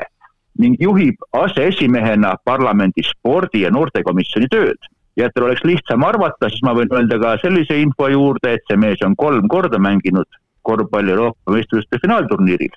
siis, kes on see Eestiski mänginud tuntud korvpallur? see on järgmise korra küsimus. jah, Kristo teab seda vastust. no see on hea, ma arvan, et Kristo on ta vastu mänginud ka no nii, aga vägev, see on siis kümnenda, kümnenda vooru küsimus, me pole veel oma mänguga sisuliselt äh, poole pealgi, nii et äh, kõik saavad veel saavad veel liituda ja, ja nagu öeldud, siis iga vooru eest me jagame auhindu ja, ja auhindu saavad siis ka lõpparvestuse kolm parimat. Kusjuures ega ma kergeuskliku ja naiivse inimesena pole üldse küsinud, kui kaua see mäng meil kestab. Nii et ma ei tea, kunas teil see lõpujoon üldse aastaid, aastaid Jaan, sinu jaoks aastaid Jaan. ei, aga mängijate jaoks äkki nemad tunnevad huvi, et kas nad peavad jaanipäevani põrutama või peavad põrutama siin, ma ei tea, Lauritsa päevani või mingi Mihkli päevani lausa välja, ega siin ei tea ju no ikkagi, asjad venivad, sarjad venivad. ikkagi nii kaua, kui korvpallihooaeg äh, kestab, ehk siis äh, ikkagi mai lõpuni välja, kuniks äh, hooaeg kulmineerub Euroliiga Final Fouriga, me katsume ikka vastu pidada no aga Siim, sa ju tead väga hästi, et juba enne, kui lõpeb saali korvpallihooaeg, algab ju sinu korvpallihooaeg kolm korda kolm läheb lahti ja siis hakkame sealt küsimusi tegema ja seda käsitlema ja. absoluutselt. pange mingi kuupäev paika, jaanipäev oleks küll väga ilus kuupäev minu arust. nii et aitäh sulle, Jaan, ja, ja järgmise nädalani, nagu ikka. jah, aitäh teile ka Nonii, ja siit kiirelt veel üldseis ka vahepeale, kuigi me seda vahepeal sotsiaalmeedias ka kajastasime, aga kaks liidrit on meil jäänud, Hardi Traumann, Koit Kalmus üksteist punkti. Brendon Paidra, Risto Merimaa, Tõnis Teesaar kümme punkti ja üheksa peal olevad nimetame ka ära, Berit Paidra, Jaanika Paulus ja, ja Kardo Laev, ehk siis see on, see on meie top kaheksa hetkel. ja kordan veel kord üle, et, et lõpuks siis äh, kolm esimest saavad äh, saavad siis mahukamad äh, Nordeidi toidulisandid siin äh, suve, suve alguseks. aga siit äh, jällegi meie liigume edasi ja, ja järgmine rubriik siis eestlased välismaal.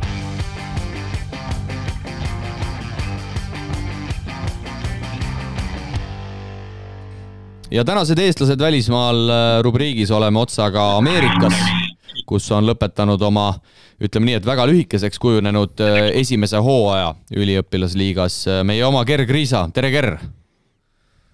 tere ka minu poolt! no kuidas, äh, kuidas läheb siis, ma küsin võib-olla üldiselt alustuseks, hooaeg on läbi, võta võib-olla ise mõne lausega kokku ja, ja mis plaanid edasiseks? hooaeg oli päris jah, nagu sa mainisid, lühike. aga ma arvan, kokkuvõttes võib nagu rahule jääda, et mis ma selle kaheksa või üheksa mänguga siin nii-öelda saavutasin ja ja mis edasi, no nüüd on kerge puhkus ja siis hakkab jälle töö uuesti pihta. pikk ootusaeg oli sul äh, juba sügisest saadik, ütleme, ja ja, ja ma ei tea, miks see klubi või, või kool nagu sellise otsuse tegi, et ta seal ennast karistas, aga eks taustad ole seal kuskil kaugemal, aga räägi nüüd sellest, et äh, okei okay,, nüüd said selle aasta mängud läbi, et kas nüüd järgmisel aastal on ikkagi nagu kindlam lootus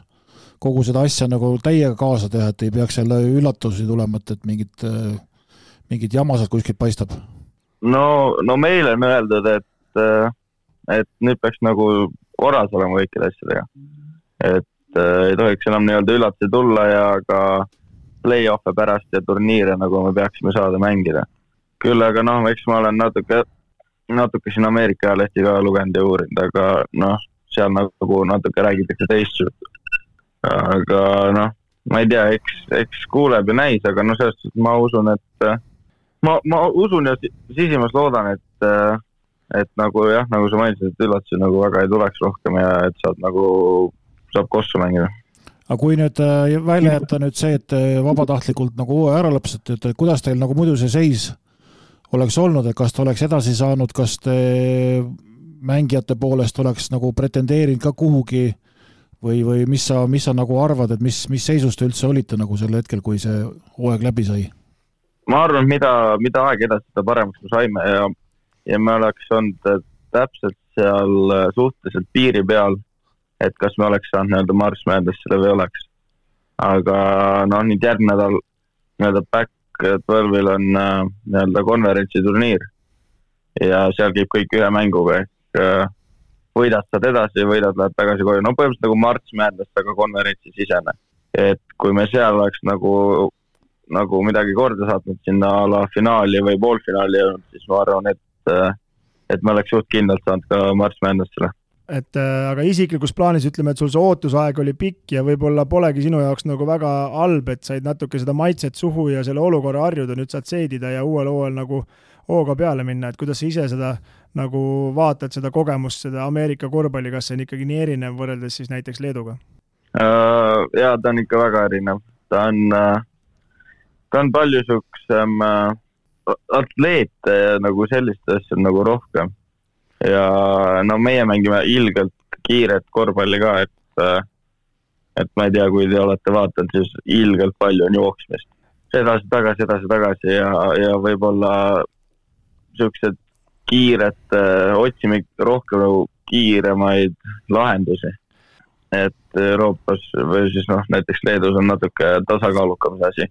et kas sulle enda ja enda jaoks on ka nagu hetkel selle kiire mängu, ütleme selle rütmi leidmine ja õigete otsuste tegemine natuke keeruline esialgu? Äh, kindlasti jah, eriti veel, ega ma väga palju enda, enda positsioonis on nagu veel mängida.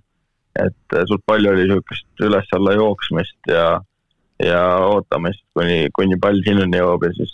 siis kui vabas saab peale panna. et ma päris nagu end, enda nagu päris rolli ei saanud nagu see aeg veel mängida, et no selgelt, Ger, kui neid sinu mänge vaadata, on näha, et musklid on kõvasti suuremaks läinud ja õlad, õlad on laiemaks läinud, et tundub, et jõusaalis on ka kõvasti tööd tehtud ja lihasmassi on, on kasvatatud ikkagi isuga. seda on jah, see oli kohe algusest peale, kui ma siia jõudsin, siis kõik rõhusid seda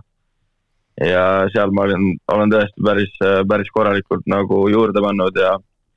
praeguseks olen vist seitse või kaheksa kilo juurde võtnud.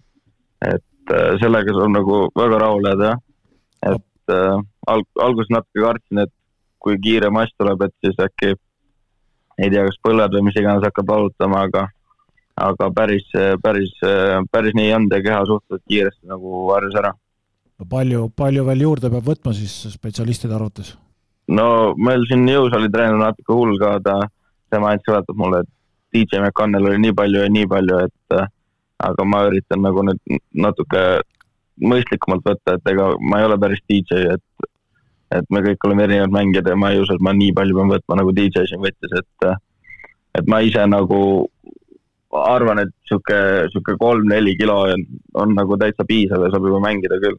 no Salgeris, ma arvan, sa kogesid ka seda, et mõõdeti ju igasuguseid rasvaprotsente ja kõiki muid asju, et, et mitte ainult seda pikkust ja kehakaalu, et, et kuidas seal nagu, kas vaat-, käid ainult kaalu peal ja ja kästakse juurde võtta või on ikka üldine kontroll ikka ka nagu olemas? Äh, rasvaprotsendi äh, kontroll on ka, jah. ja kuidas need numbrid sul arenevad? Need lähevad õiges suunas. No siis on see, et, et lihast tuleb juurde ja ja, ja, ja massi tuleb juurde, aga, aga liikuvus nagu säilib, et selles mõttes oled õigel teel siis. okei okay,, aga räägi nüüd äh, natuke oma satsist ka, et, et äh,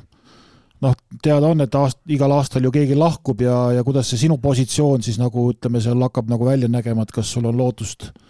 põhimeeste hulka saada või pead veel kõvasti võitlema või, või tuleb keegi uus äkki peale või mis seisud praegu nagu on? Äh, no praegu,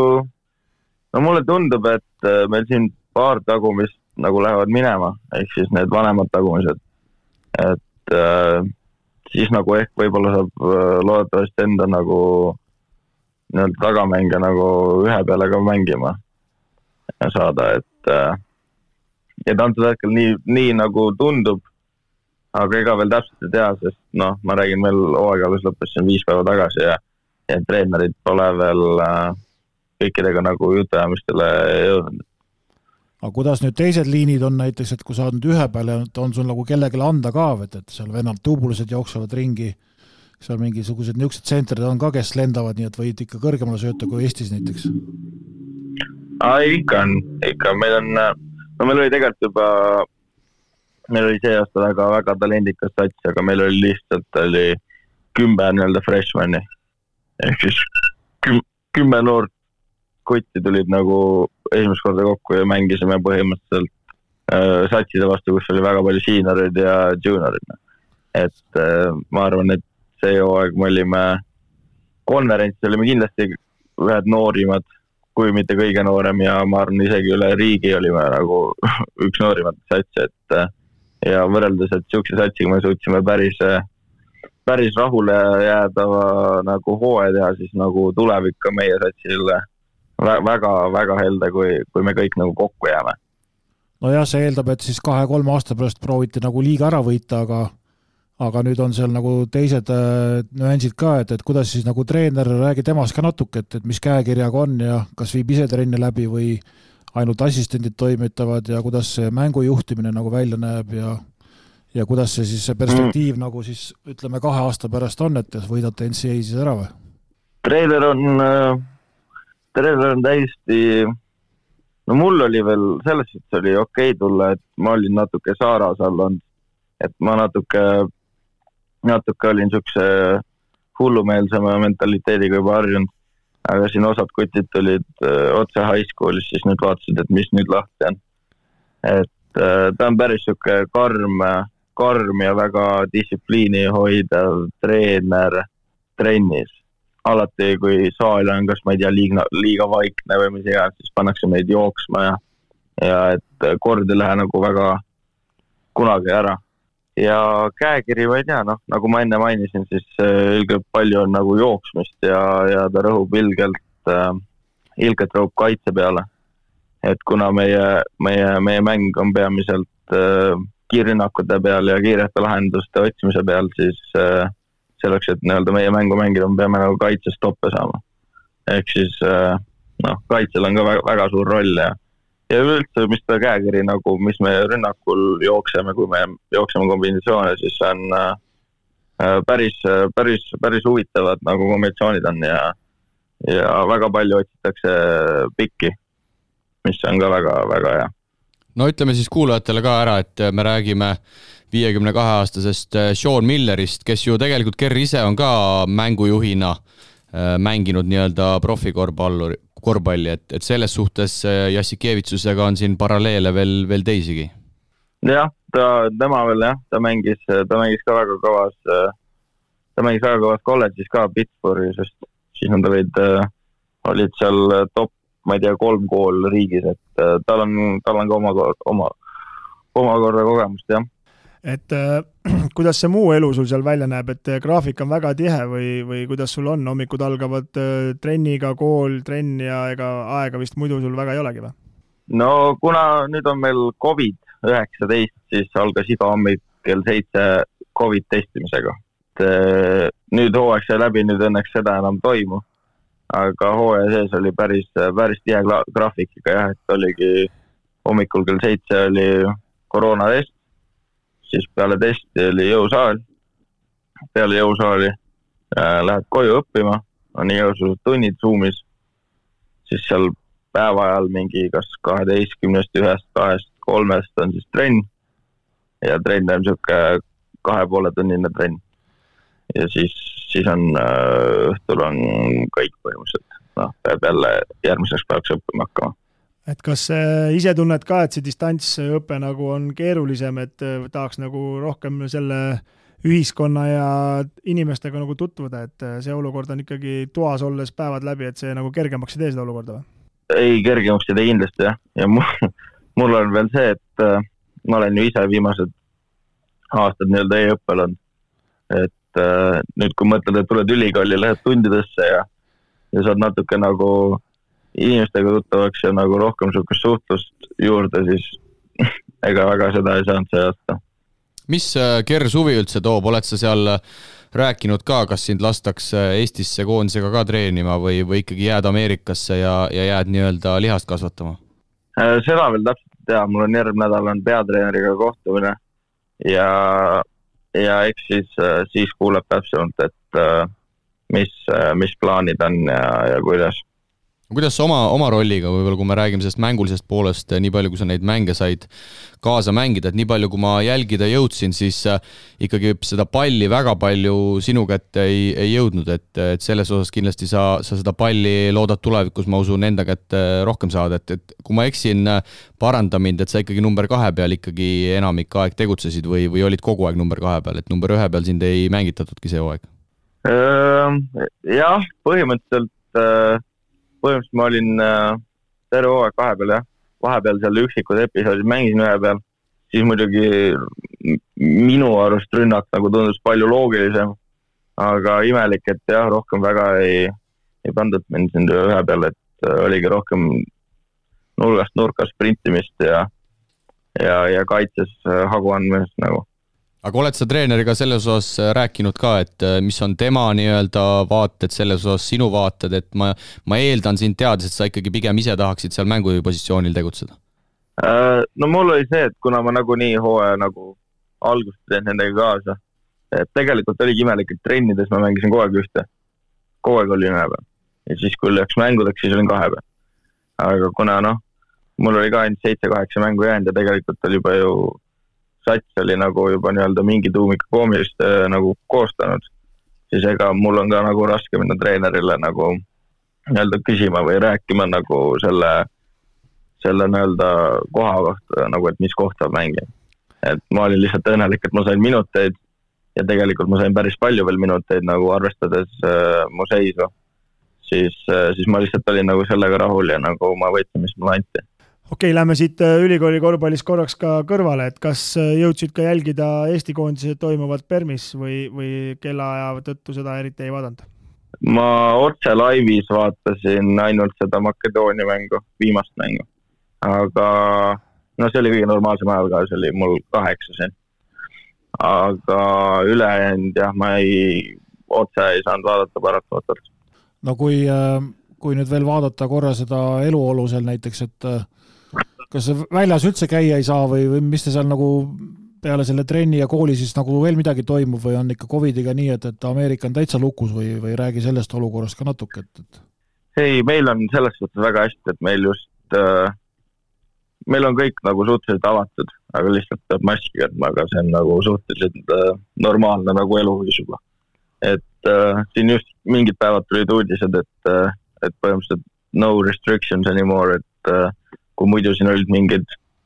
ma ei tea, kas mingid restoranid või mingid baarid või nii olid mingi üheksani või kümneni lahti, siis nüüd nagu on nad seal ühe-kaheni lahti. et meil on põhimõtteliselt jah, kõik asjad siin lahti ja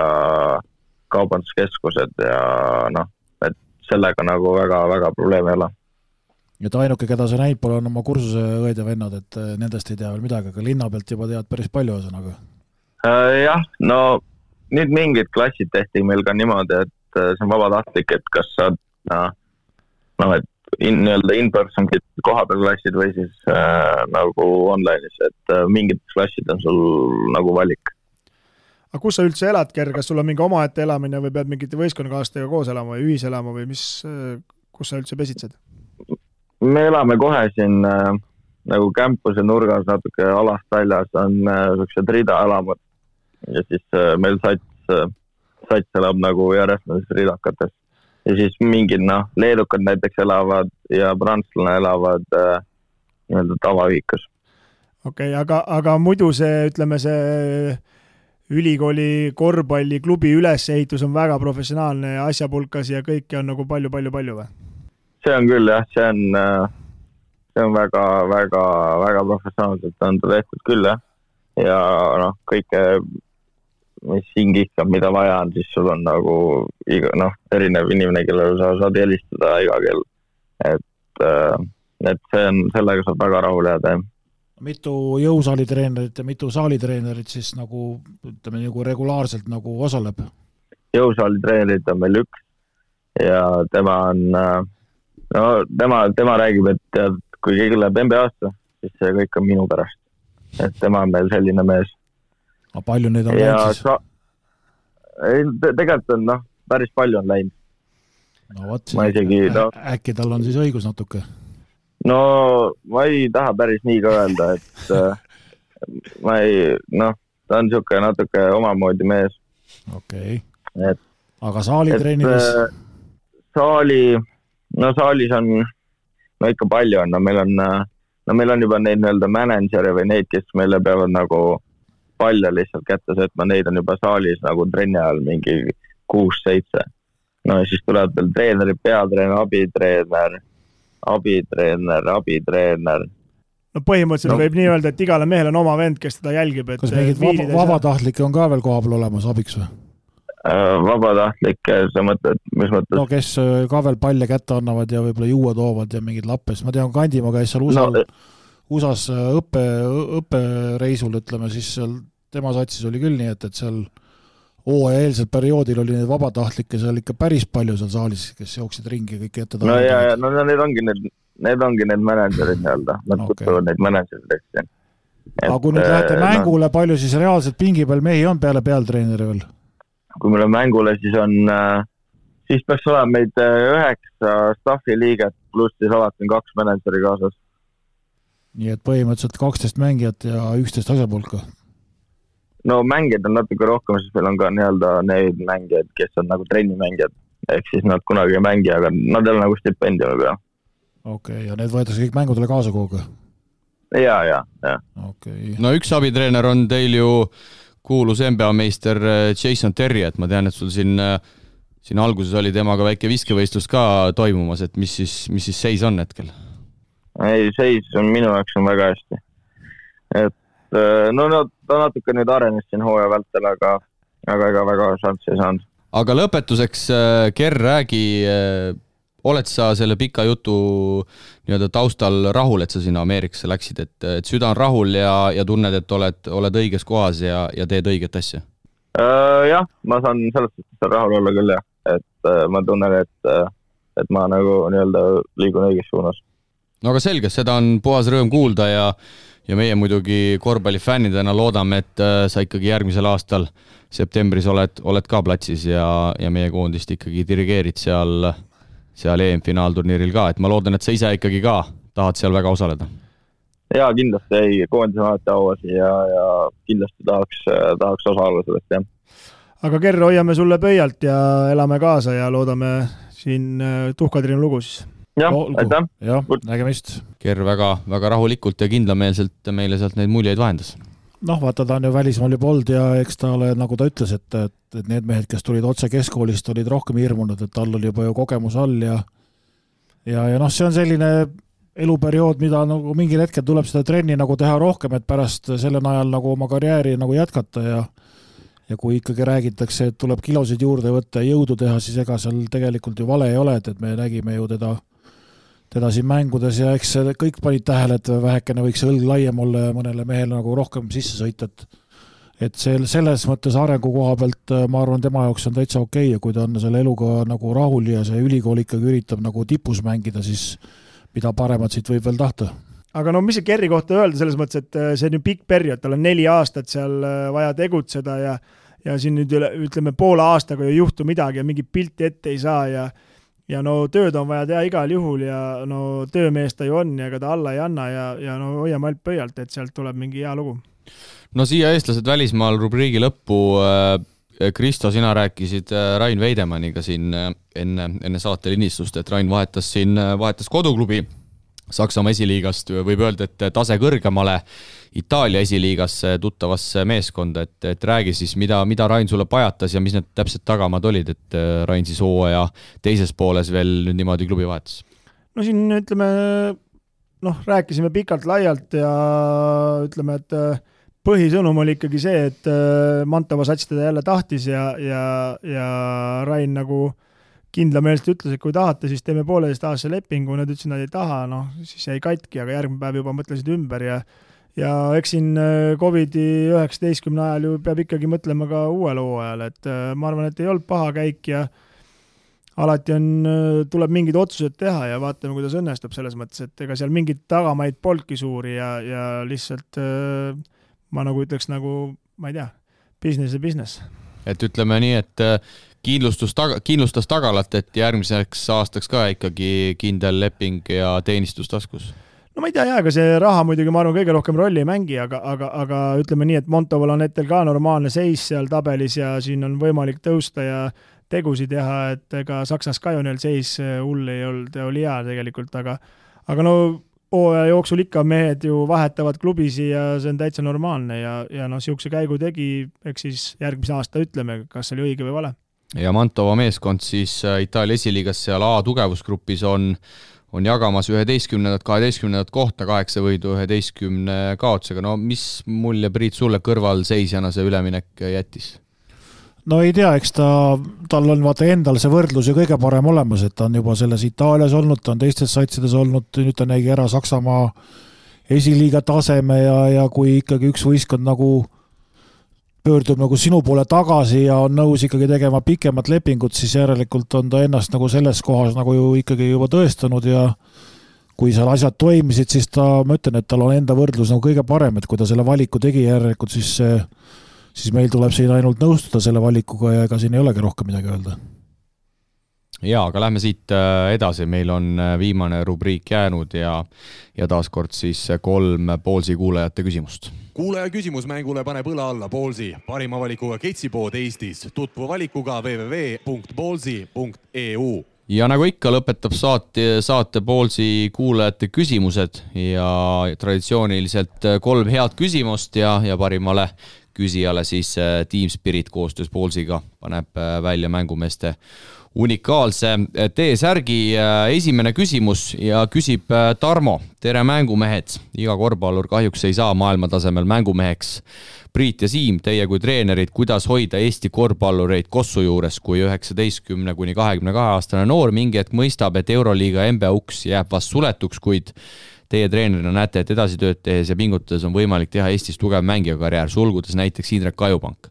kas treenerina tasub olla sellises olukorras aus ja riskida mängija kadumisega korvpallimaastikult või vahel tuleb ajada ka natukene ümmargust juttu, et kõik on võimalik. hetkel Eesti korvpalli meistriliiga nõrkus tundub olevat vähene koduste mängijate arv sünniaastaga üheksakümmend kolm kuni üheksakümmend kaheksa, kes on just paljuski sellises olukorras oma tee korvpallurina lõpetanud. NB, et Saage saaks kaasa rääkida, ehk on temal jälle vastupidine näide, kus mõni noor meeskonnakaaslane on pannud kõik kaardid korvpallile, aga reaalsus on näha, et võiks ehk ikka koolile rohkem panustada, tervitades Tarmo.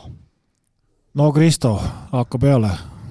no kas ikka tasus kool pooleli jätta? no ma ütleks niimoodi, et äh, mulle nagu jääb mulje, et nüüd pannakse kõik rõhk koolile ja korvpall on nagu teisel plaanil, ütleme, et et hetkelseisul, et võib-olla siin jah, ütleme kakskümmend viis aastat, kakskümmend aastat, kahe tuhandendatel aastatel, ühesõnaga siis see Koss oli nii popp, et äh, tõmmati ikkagi nii, nii et vähe oli selle Kossu nimel välja ja taheti kuhugi jõuda, et äh, hetkel tundub nagu, et see sära on nagu kadunud, et tehakse sadat asja korraga, aga no kool on kindlasti tähtis ja no ma ei tea, meil on nüüd ilgelt ülikooli võistkond ja siin tegelikult kooli taha ei tohiks küll midagi jääda, et siin saab kõiki asju koos teha, kui tahtmist on no ütleme jah, et, et eks see, eks see tõehetk on nagu elus ikka valus ja, ja, ja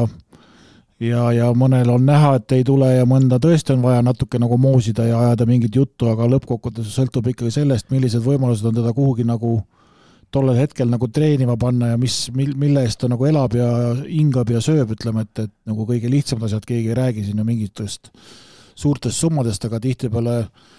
tihtipeale on meil see raskus, et kuna me oleme siin eelnevates saadetes ju rääkinud ka, et ega meie need klubid on nii õhukesel jääl ja niisuguse lühikese perspektiiviga, siis sellist, sellist asja nagu teha on ka jube raske, et, et noh, kui me vaatame nendest, nendest mängijatest äh, hetkeseisu, kes on meil välismaale läinud, siis need on ju tehtud ikkagi sellised lepingud, kus on vähe pikema perspektiiviga ja, ja nähakse nendes nagu mingisugust järelkasvumaterjali ja ta on kahekümnene ja Itaalias öeldakse selle kohta, et ärge kiirustage, ta on väga-väga noor mängija, et aega küll, et ta peabki trenni tegema ja kuskil madalamal oma mänguminutid kätte saama, et, et et selles mõttes küsimus on nagu õigestunud, aga lihtsalt ähm, hästi, hästi palju sõltub nagu sellest, et kuhu teda nüüd siis ütleme, treenima panna ja mis temaga nagu teha, et, et kui ta näiteks ainult kaheksa kuud nagu protsessis osaleb, siis on selge, et sellises vanuses nagu arengut ei toimu ja pigem siis võib vaadata juba kooli poole, et et aga eks iga, igaüks peab ikkagi ise nagu ka mees olema, et ega siin nüüd äh, sa võid siin suunata ja arutada asja, aga, aga tegija on lõpuks mängija ise ja et mul tekib niisugune küsimus, et äh, esiteks siin Eestis ju keegi üle ühe aasta lepingut ja üle kaheksa kuu lepingut või noh, kümne kuu lepingut ei teegi, et siin ma ei tea, oskab keegi nimetada mõne kaheaastase lepingu? Vembiga tehti. Vembiga jah, kolmeaastane ja, aga ma mõtlen mõne eestlasega no on. ei tea jah väga, et ega ei, ma mõtlen, et selles mõttes, et klubid on nii lühikese perspektiiviga, et no et keegi nagu ei anna seda nagu teha no.. ja, ja minu arust nagu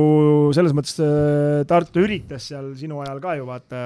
seda noorte ja pikema perspektiivi ja värki on ju, see võtab kõik aega ja, ja aga, aga ma ütlen nagu minu arust seda mulli juttu just tahetakse liiga palju, et reaalsus meestel ei jõua kohale, no et äh, ma ju ise olen selles äh, protsessis selles mõttes ka olnud ju Kalev Cramos ja äh, lähed sinna, teed lepingu, rabeled, teed trenni,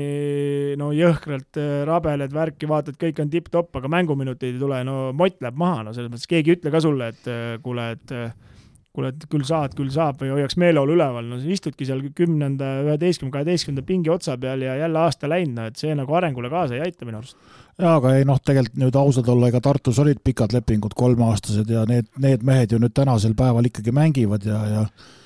ja, ja on, hakkavad vaikselt äh, ikkagi kandvatesse rollidesse jõudma, et ütleme, needsamad Robin Kivi, Hendrik Eelmäe, kogu see, see punt on ju tegelikult juba,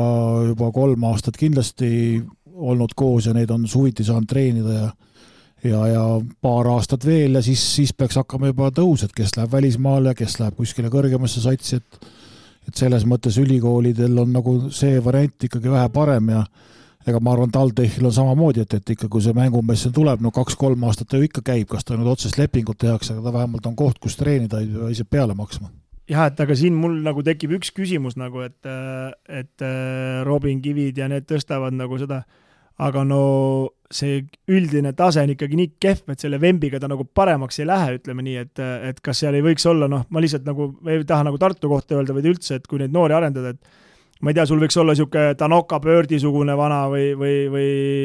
tagumisel nagu kiin, et sa nagu areneksid nagu selles mõttes näed, kuhu poole püüelda, noh, et kui Robin Kivi on nüüd ka kaks aastat kuningas Tartus olnud põhimõtteliselt, on ju, okei okay,, mitte kaks, aga viimane aasta, eks, no siis ta arvab ja Eerik Eelmaa samamoodi, et nad arvavad, et ongi mängumehed, aga tegelikult reaalsus on teine ju. No Tartus on ka paremaid aegu olnud, eks ju, ja on ka Tanoka pöörd seal olnud ja eks noorematel on seal õppida olnud ja sealt on mängijad ju tulnud küll, aga aga ma lihtsalt räägin, et kogu see korvpalliklubide nagu seis on meil nagu ikkagi nii palju kehvaks läinud ja me oleme ju rääkinud, et nii, nagu me kuskil Euroopa sarjades ei osale, siis me kogu aeg vajume ja vajume ja noh, ega meil, ega meil ütleme ausalt, enam palju allapoole vajuda polegi, et siin ainult veel see, et, et võib-olla kogu liigas hakkab mängima viis satsi näiteks, ütleme, et no sinna meil on veel võimalik nagu langeda. ja ega me vist kokkuvõtvalt äh, võime öelda, et tänasel päeval ei ole vist nii popp olla ka enam korvpallur, et muid ahvatlusi on, on nii palju ja saab igale poole, ma ei tea, välis, välisüliõpilaseks minna, maailma näha, piirid on lahti, Austraaliad, asjad, et et ei ole see vist enam päris see, et ma olen, ma olen kossumees, et vanasti taheti saadi, taheti nagu saada kossumeheks ja see oli nagu niisugune auasi mingil määral, aga nüüd ikkagi see ei ole võib-olla nii primaarne. noh, eks ta käib lainetena, et, et kindlasti jah, kui siin ära toodud sünniaastad üheksakümmend kolm, üheksakümmend kaheksa, noh ega see oli vabariigi, ütleme, algusaeg ja ikka oli raske elu ja siis sündiski vähem lapsi ja eks see mõjutab igal pool, ega see ei ole ainult korvpallis, et see on ka muudes spordialades ja muudes valdkondades on see rahva vähesus annab nagu tunda, ütleme, aga, aga noh, samas võtame siit jälle mõned aastad edasi siin üheksakümne kaheksast ja, ja siis vaatame, kes meil koondises mängivad, et et eks siis ma ütlen, et see laine on nüüd natukene nagu paremas seisus, et, et vaatame, mis, mis tulevik toob no ja ma ikkagi igatsen ikkagi neid aegu tagasi nendele noortele, kes praegust on, mis meil olid, et äh, kool sai läbi, sa ootasid, millal saaks laagrisse minna, suvel oli vähemalt mingi poolteist kuud olid laagris, mäletan, e-, meil Erkmaga olid ikkagi surmalaagrid nii-öelda, et kakskümmend üks päeva, siis äh, nädal aega kodus, siis jälle laagrisse, et äh, neid, neid enam ei ole tänapäeval, et noh, kõik on raha taga kinni, et see on nii kallis lihtsalt et noh, ma toon ühe näite näiteks, et äh, lõpetabki see kaheteistkümnenda klassi Juss selle kooli ära, ütleme, klubi pakub talle kuussada eurot kuus, et äh, mängi kossu, ta mõtleb, et ah, ma lähen Austraaliasse, korjan seal, ma ei tea, mandariine, võtan, võtan kuus, kaks, kolm tuhat, et noh, et, et võib-olla see elu ongi selline ja, ja lüüaksegi käega, et aga, aga mis ma siin tõmblen, et ma lähen ajan seal suure raha kokku, tulen tagasi Eestisse, panen mingi väikse väikse asja püsti, mul on äh, stardikapital olemas ja, ja läheb minna. no nii ta paraku on jah, et, et vaat me oleme igalt poolt nagu järgi andnud, ma ütlesin, et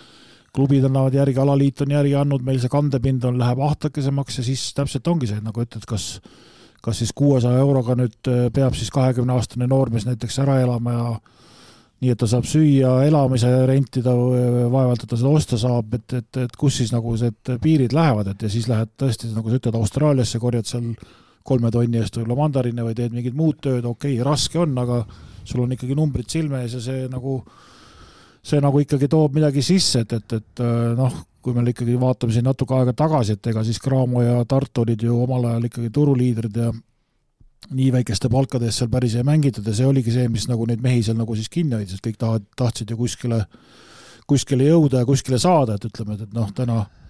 täna nagu ütleme, kui meil ainukene võistkond, kes väljas mängib, on Cramo ja seal enamuses on, ütleme, kogenud mängijad, siis noh, ongi hästi raske nagu kuhugi pürgida, et seda järgmist, järgmist võistkonda pole. Ja ma ütleks siia vahele lihtsalt selle ka, et kui ikkagi see Tartu-Tallinna vaheline, ütleme, see sõda käis, ütleme siin äh, kaks tuhat kuni kaks tuhat kümme, siis äh, ega ise mängides Tarvas seal põhjas olles või ükskõik kus, siis ikkagi tegid tööd selle nimel, et äh, esimese sammuna siis kas Tartusse saada või Craamosse, et äh, et see oli nagu selles mõttes eesmärk ja sinna tahtsid nagu saada, noh.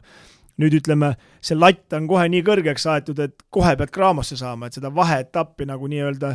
et kahe võistkonna vahel valimist või etappi ja rivaalitsemist pole, et see on ka muidugi kindlasti oma jälje jätnud. aga Tarmolt igatahes siia alustuseks väga hea küsimus, liigume edasi küsib Lauri, äh, pikk küsimus, äh, katsun selle kiirelt ette vuristada. tervitus, mängumehed, hakkasin teid huviga kuulama. Hea sõbra Raiko Matsalu soovitusel, sulgudes tervitused ka talle, meiegi tervitame siit head sõpra Raikot. kiidan teid esialgu kohe kahe asja eest, saade on muutunud pelgalt mängutulemuste avaldamisest sisuka analüüsiga podcast'iks, kindlasti aitas sellele kaasa Priidu lisandumine, saatel on nüüd sügavust ja analüüsid põhinevad kogemustel ja on põhjalikumad teiseks annavad Kossu podcastis Eestis hääle inimestele, kel on meeletult korvpallialaseid kogemusi, kuid paraku jäävad paljud neist varju ning unustuste hõlma. kogemustega inimesi tuleb ala juures aktiivsena hoida ja selle koha pealt on meil Kossuriigina veel palju õppida. pirukaid müüa või lillekullar olla on samuti igati normaalne, aga korvpalli arendamise seisukohalt ei lähe ressursse õigesse kohta, head asja ajate. minu küsimus Priidule puudutab aga kahe profikorvpalluri üleskasvatamist. olen ise spordiagendi tööd teinud ning julgen öelda, et mängijaks ei sünnita, vaid selleks kasvatakse ja arenetakse. huvitav oleks kuulata, milline on olnud Priido filosoofia lähenemine enda poegade kasvatamisel mängijateks. üks neist on karjääris kõrgema lennuga ja andekam ning teine minu arvates jällegi südikam ja annab platsil endast alati maksimumi. Vastus võiks sisaldada järgnevaid punkte. punkt number üks, kas korvpallitrenni minna juba varajases nooruses või pigem alustada teiste aladega? no hakkame siit siis kohe minema, mis me siin järgmisi punkte ikka ette loeme no kui see nii otsene küsimus on, siis üks, üks põhikandev asi oli nagu alati see, et et ega me neid kuskile ei sundinud, aga, aga üks asi, mis oli, et ükskõik, mida te tegema hakkate, et tehke ikkagi täiega nagu, et, et kui, kui see on kergejõustik või viiul või, või mis iganes, et kui sa juba selle valid, et siis tuleb nagu nii teha, et, et sellest nagu sulle endale nagu mingi kasu ka tuleb, et, et noh, eks eks on ju niisuguseid lapsi ka, kes käivad kümnes eri kohas seal kolme aasta jooksul ja otsivad seda ja ei tea, mis nagu peale hakata, aga kuna see kodune elu oli nagu selline, et see korvpall oli nagu esikoha peal, siis ega neid valikuid nagu palju ei olnud ja ja hakkasid väiksest peast juba saalis kaasas käima ja, ja nii see, nii see nagu läks, ütleme, et, et aga aga no mis siin salata, Siim-Sander näiteks esimesed treeningud, kus ta alustas, oli ikkagi jalgpall, ütleme, ja ja neid teisi alasid on igasuguseid tehtud ja ja tuleb siin kiita Tallinna Saksa Gümnaasiumit ja Ülo Kurikut, kes on suutnud koolis ikkagi sellise süsteemi teha, kus äh, lapsed tegid nagu kõiki asju, alates alates äh, sportmängudest, lõpetades suusatamise, võimlemise veerandiga, äh, koolidevahelised võistlused igasugustel erinevatel aladel, nii et äh, et kui nüüd vastata sellele küsimusele, kas korvpalli minna juba varases nooruses, kindlasti peaks minema varases nooruses, aga aga tegema ka muid asju kõrvalt, et samas me näeme, et, et kes, osad, kes väga vara alustavad, ei pruugi kunagi nagu lõpuni jõuda, et pigem tulevad need, kes tulevad kuskilt nagu, nagu kõrvalt, aga, aga see on jälle see, et et paljud asjad peavad nagu omavahel kokku rääkima, et noh, hea näide näiteks on siin ju Maik äh, Kalev Kotsar, kes tegelikult alustas ka Kossuga üsna varakult, äh, aga, aga oli selline mängumees, keda põhimõtteliselt keegi nagu tähele ei pannud, aga kui kui ta nüüd on suureks kasvanud ootamatult ja, ja tugevaks saanud, siis äh, ma arvan, et need, need asjad, mida ta võib-olla ei oleks teinud, kui ta poleks Kossus käinud, on tal nüüd ikkagi juba olemas ja ta oskab neid nagu paremini ära kasutada, et et aga Kristo tahab siin ka midagi lisada jaa, ma siin tulin selle sinu jutu juurde, et koolidevahelised võistlused ja asjad, et eh, kas see võib olla ka meil suur miinus, et eh, üldse spordile, et eh, kehaline kasvatus on läinud ikkagi nõrgaks? no kõik need asjad koos, no me ütleme nii, et soovituslikuks põhimõtteliselt. siin klubidest me räägime igalt poolt, et on noortesport on kokku poole läinud, koolisport on kokku poole läinud et äh, noh, paraku no ma lihtsalt korvpalli näitel toon no. selle näite, et no Sprite Cup oli nagu jumal üheksa kuni kaksteist klassi, et ja said sinna pingi otsa peale nagu vanematega Kalevi spordihallis käidi seda mängimas, mängiti päeval ära, õhtul vaadati Tallinna Kalevi mängu, kuidas Kuusma mängis ja asjad, et see oli nagu ülim nagu ja noh, et aga enam niisugust asja ei ole, noh noh, eks siin midagi veel ikka toimub, aga eks tal jah, igalt poolt natuke kokku pool tõmmatud ja eks siin on küsimus, küsimus meie, meie riigi, ütleme siis äh, nendele suunistele või ideedele või mõtetele, et, et kuidas see asi nagu, asi nagu läinud on, kas on hästi või halvasti, et, et, et see on nagu teise ringi küsimus, aga võtame siis siit järgmise küsimuse, et äh, miks ja millal välismaale minna, et äh, see on kah täitsa nagu individuaalne, et, et äh, milliste eesmärkidega minna ja millal minna, on nagu, nagu sa pead vaatama, et kuhu sa lähed ja kuhu sind nagu tahetakse ja kes sind nagu suunab ja, ja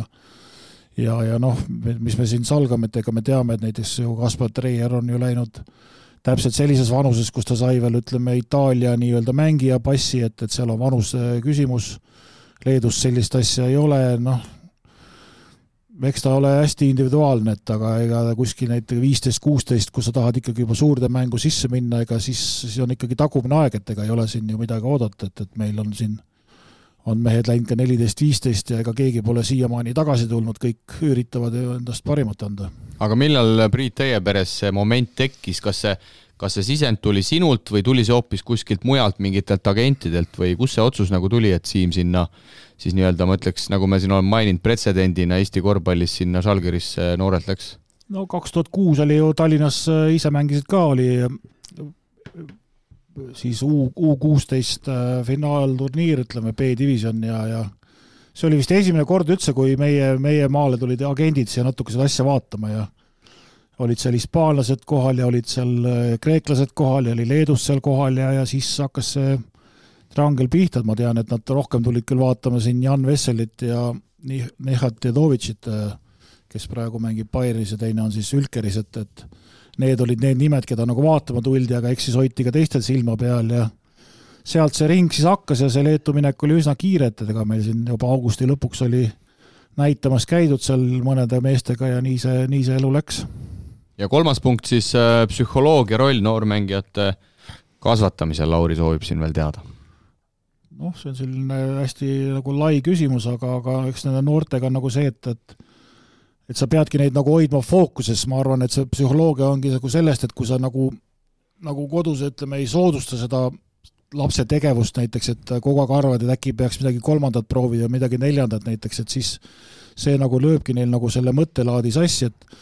et sa ei tea, mis sellest nagu saab, ütleme, et, et noh, ega see sport on ju selline, et, et keegi ei keela seda ju kaheksateist aastat nagu hästi teha ja siis lähed sealt, lõpetad üks päev ära, lähed äh, teisele erialale, hakkad koolis midagi muud õppima ja, ja teedki nagu elumuutused, et ka see asi on võimalik, aga et kogu aeg olla nüüd kahe vahel, et noh, meie ühiskonna häda ongi see, et nagu Kristo ütles, et võib-olla see koolile pannakse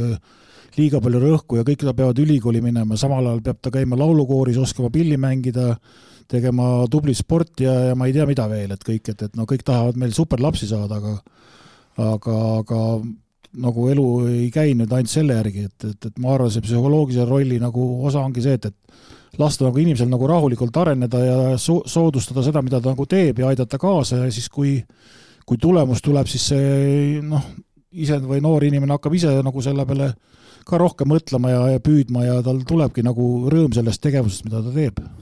Ma korra laiendan seda küsimust veel äh, selle koha peal, et kas sina oled niisugune äh, lapsevanem, äh, kõik treenerid, kes Siimul on olnud, et et sekkud ka ja annad oma nõu ja, või, või ikkagi, kui ütleme, Siim, ma ei tea, läheb mingi treeneri alla, siis äh, tuleb sinu juurde nutma, siis ütled ei, rabel ise välja, sinu, sinu asi, vaata, et me teame hästi palju lapsevanemaid ka, kes käivad, õpetavad treenerit, kuidas see kost tegelikult käima peaks, mulle see üldse ei meeldi, noh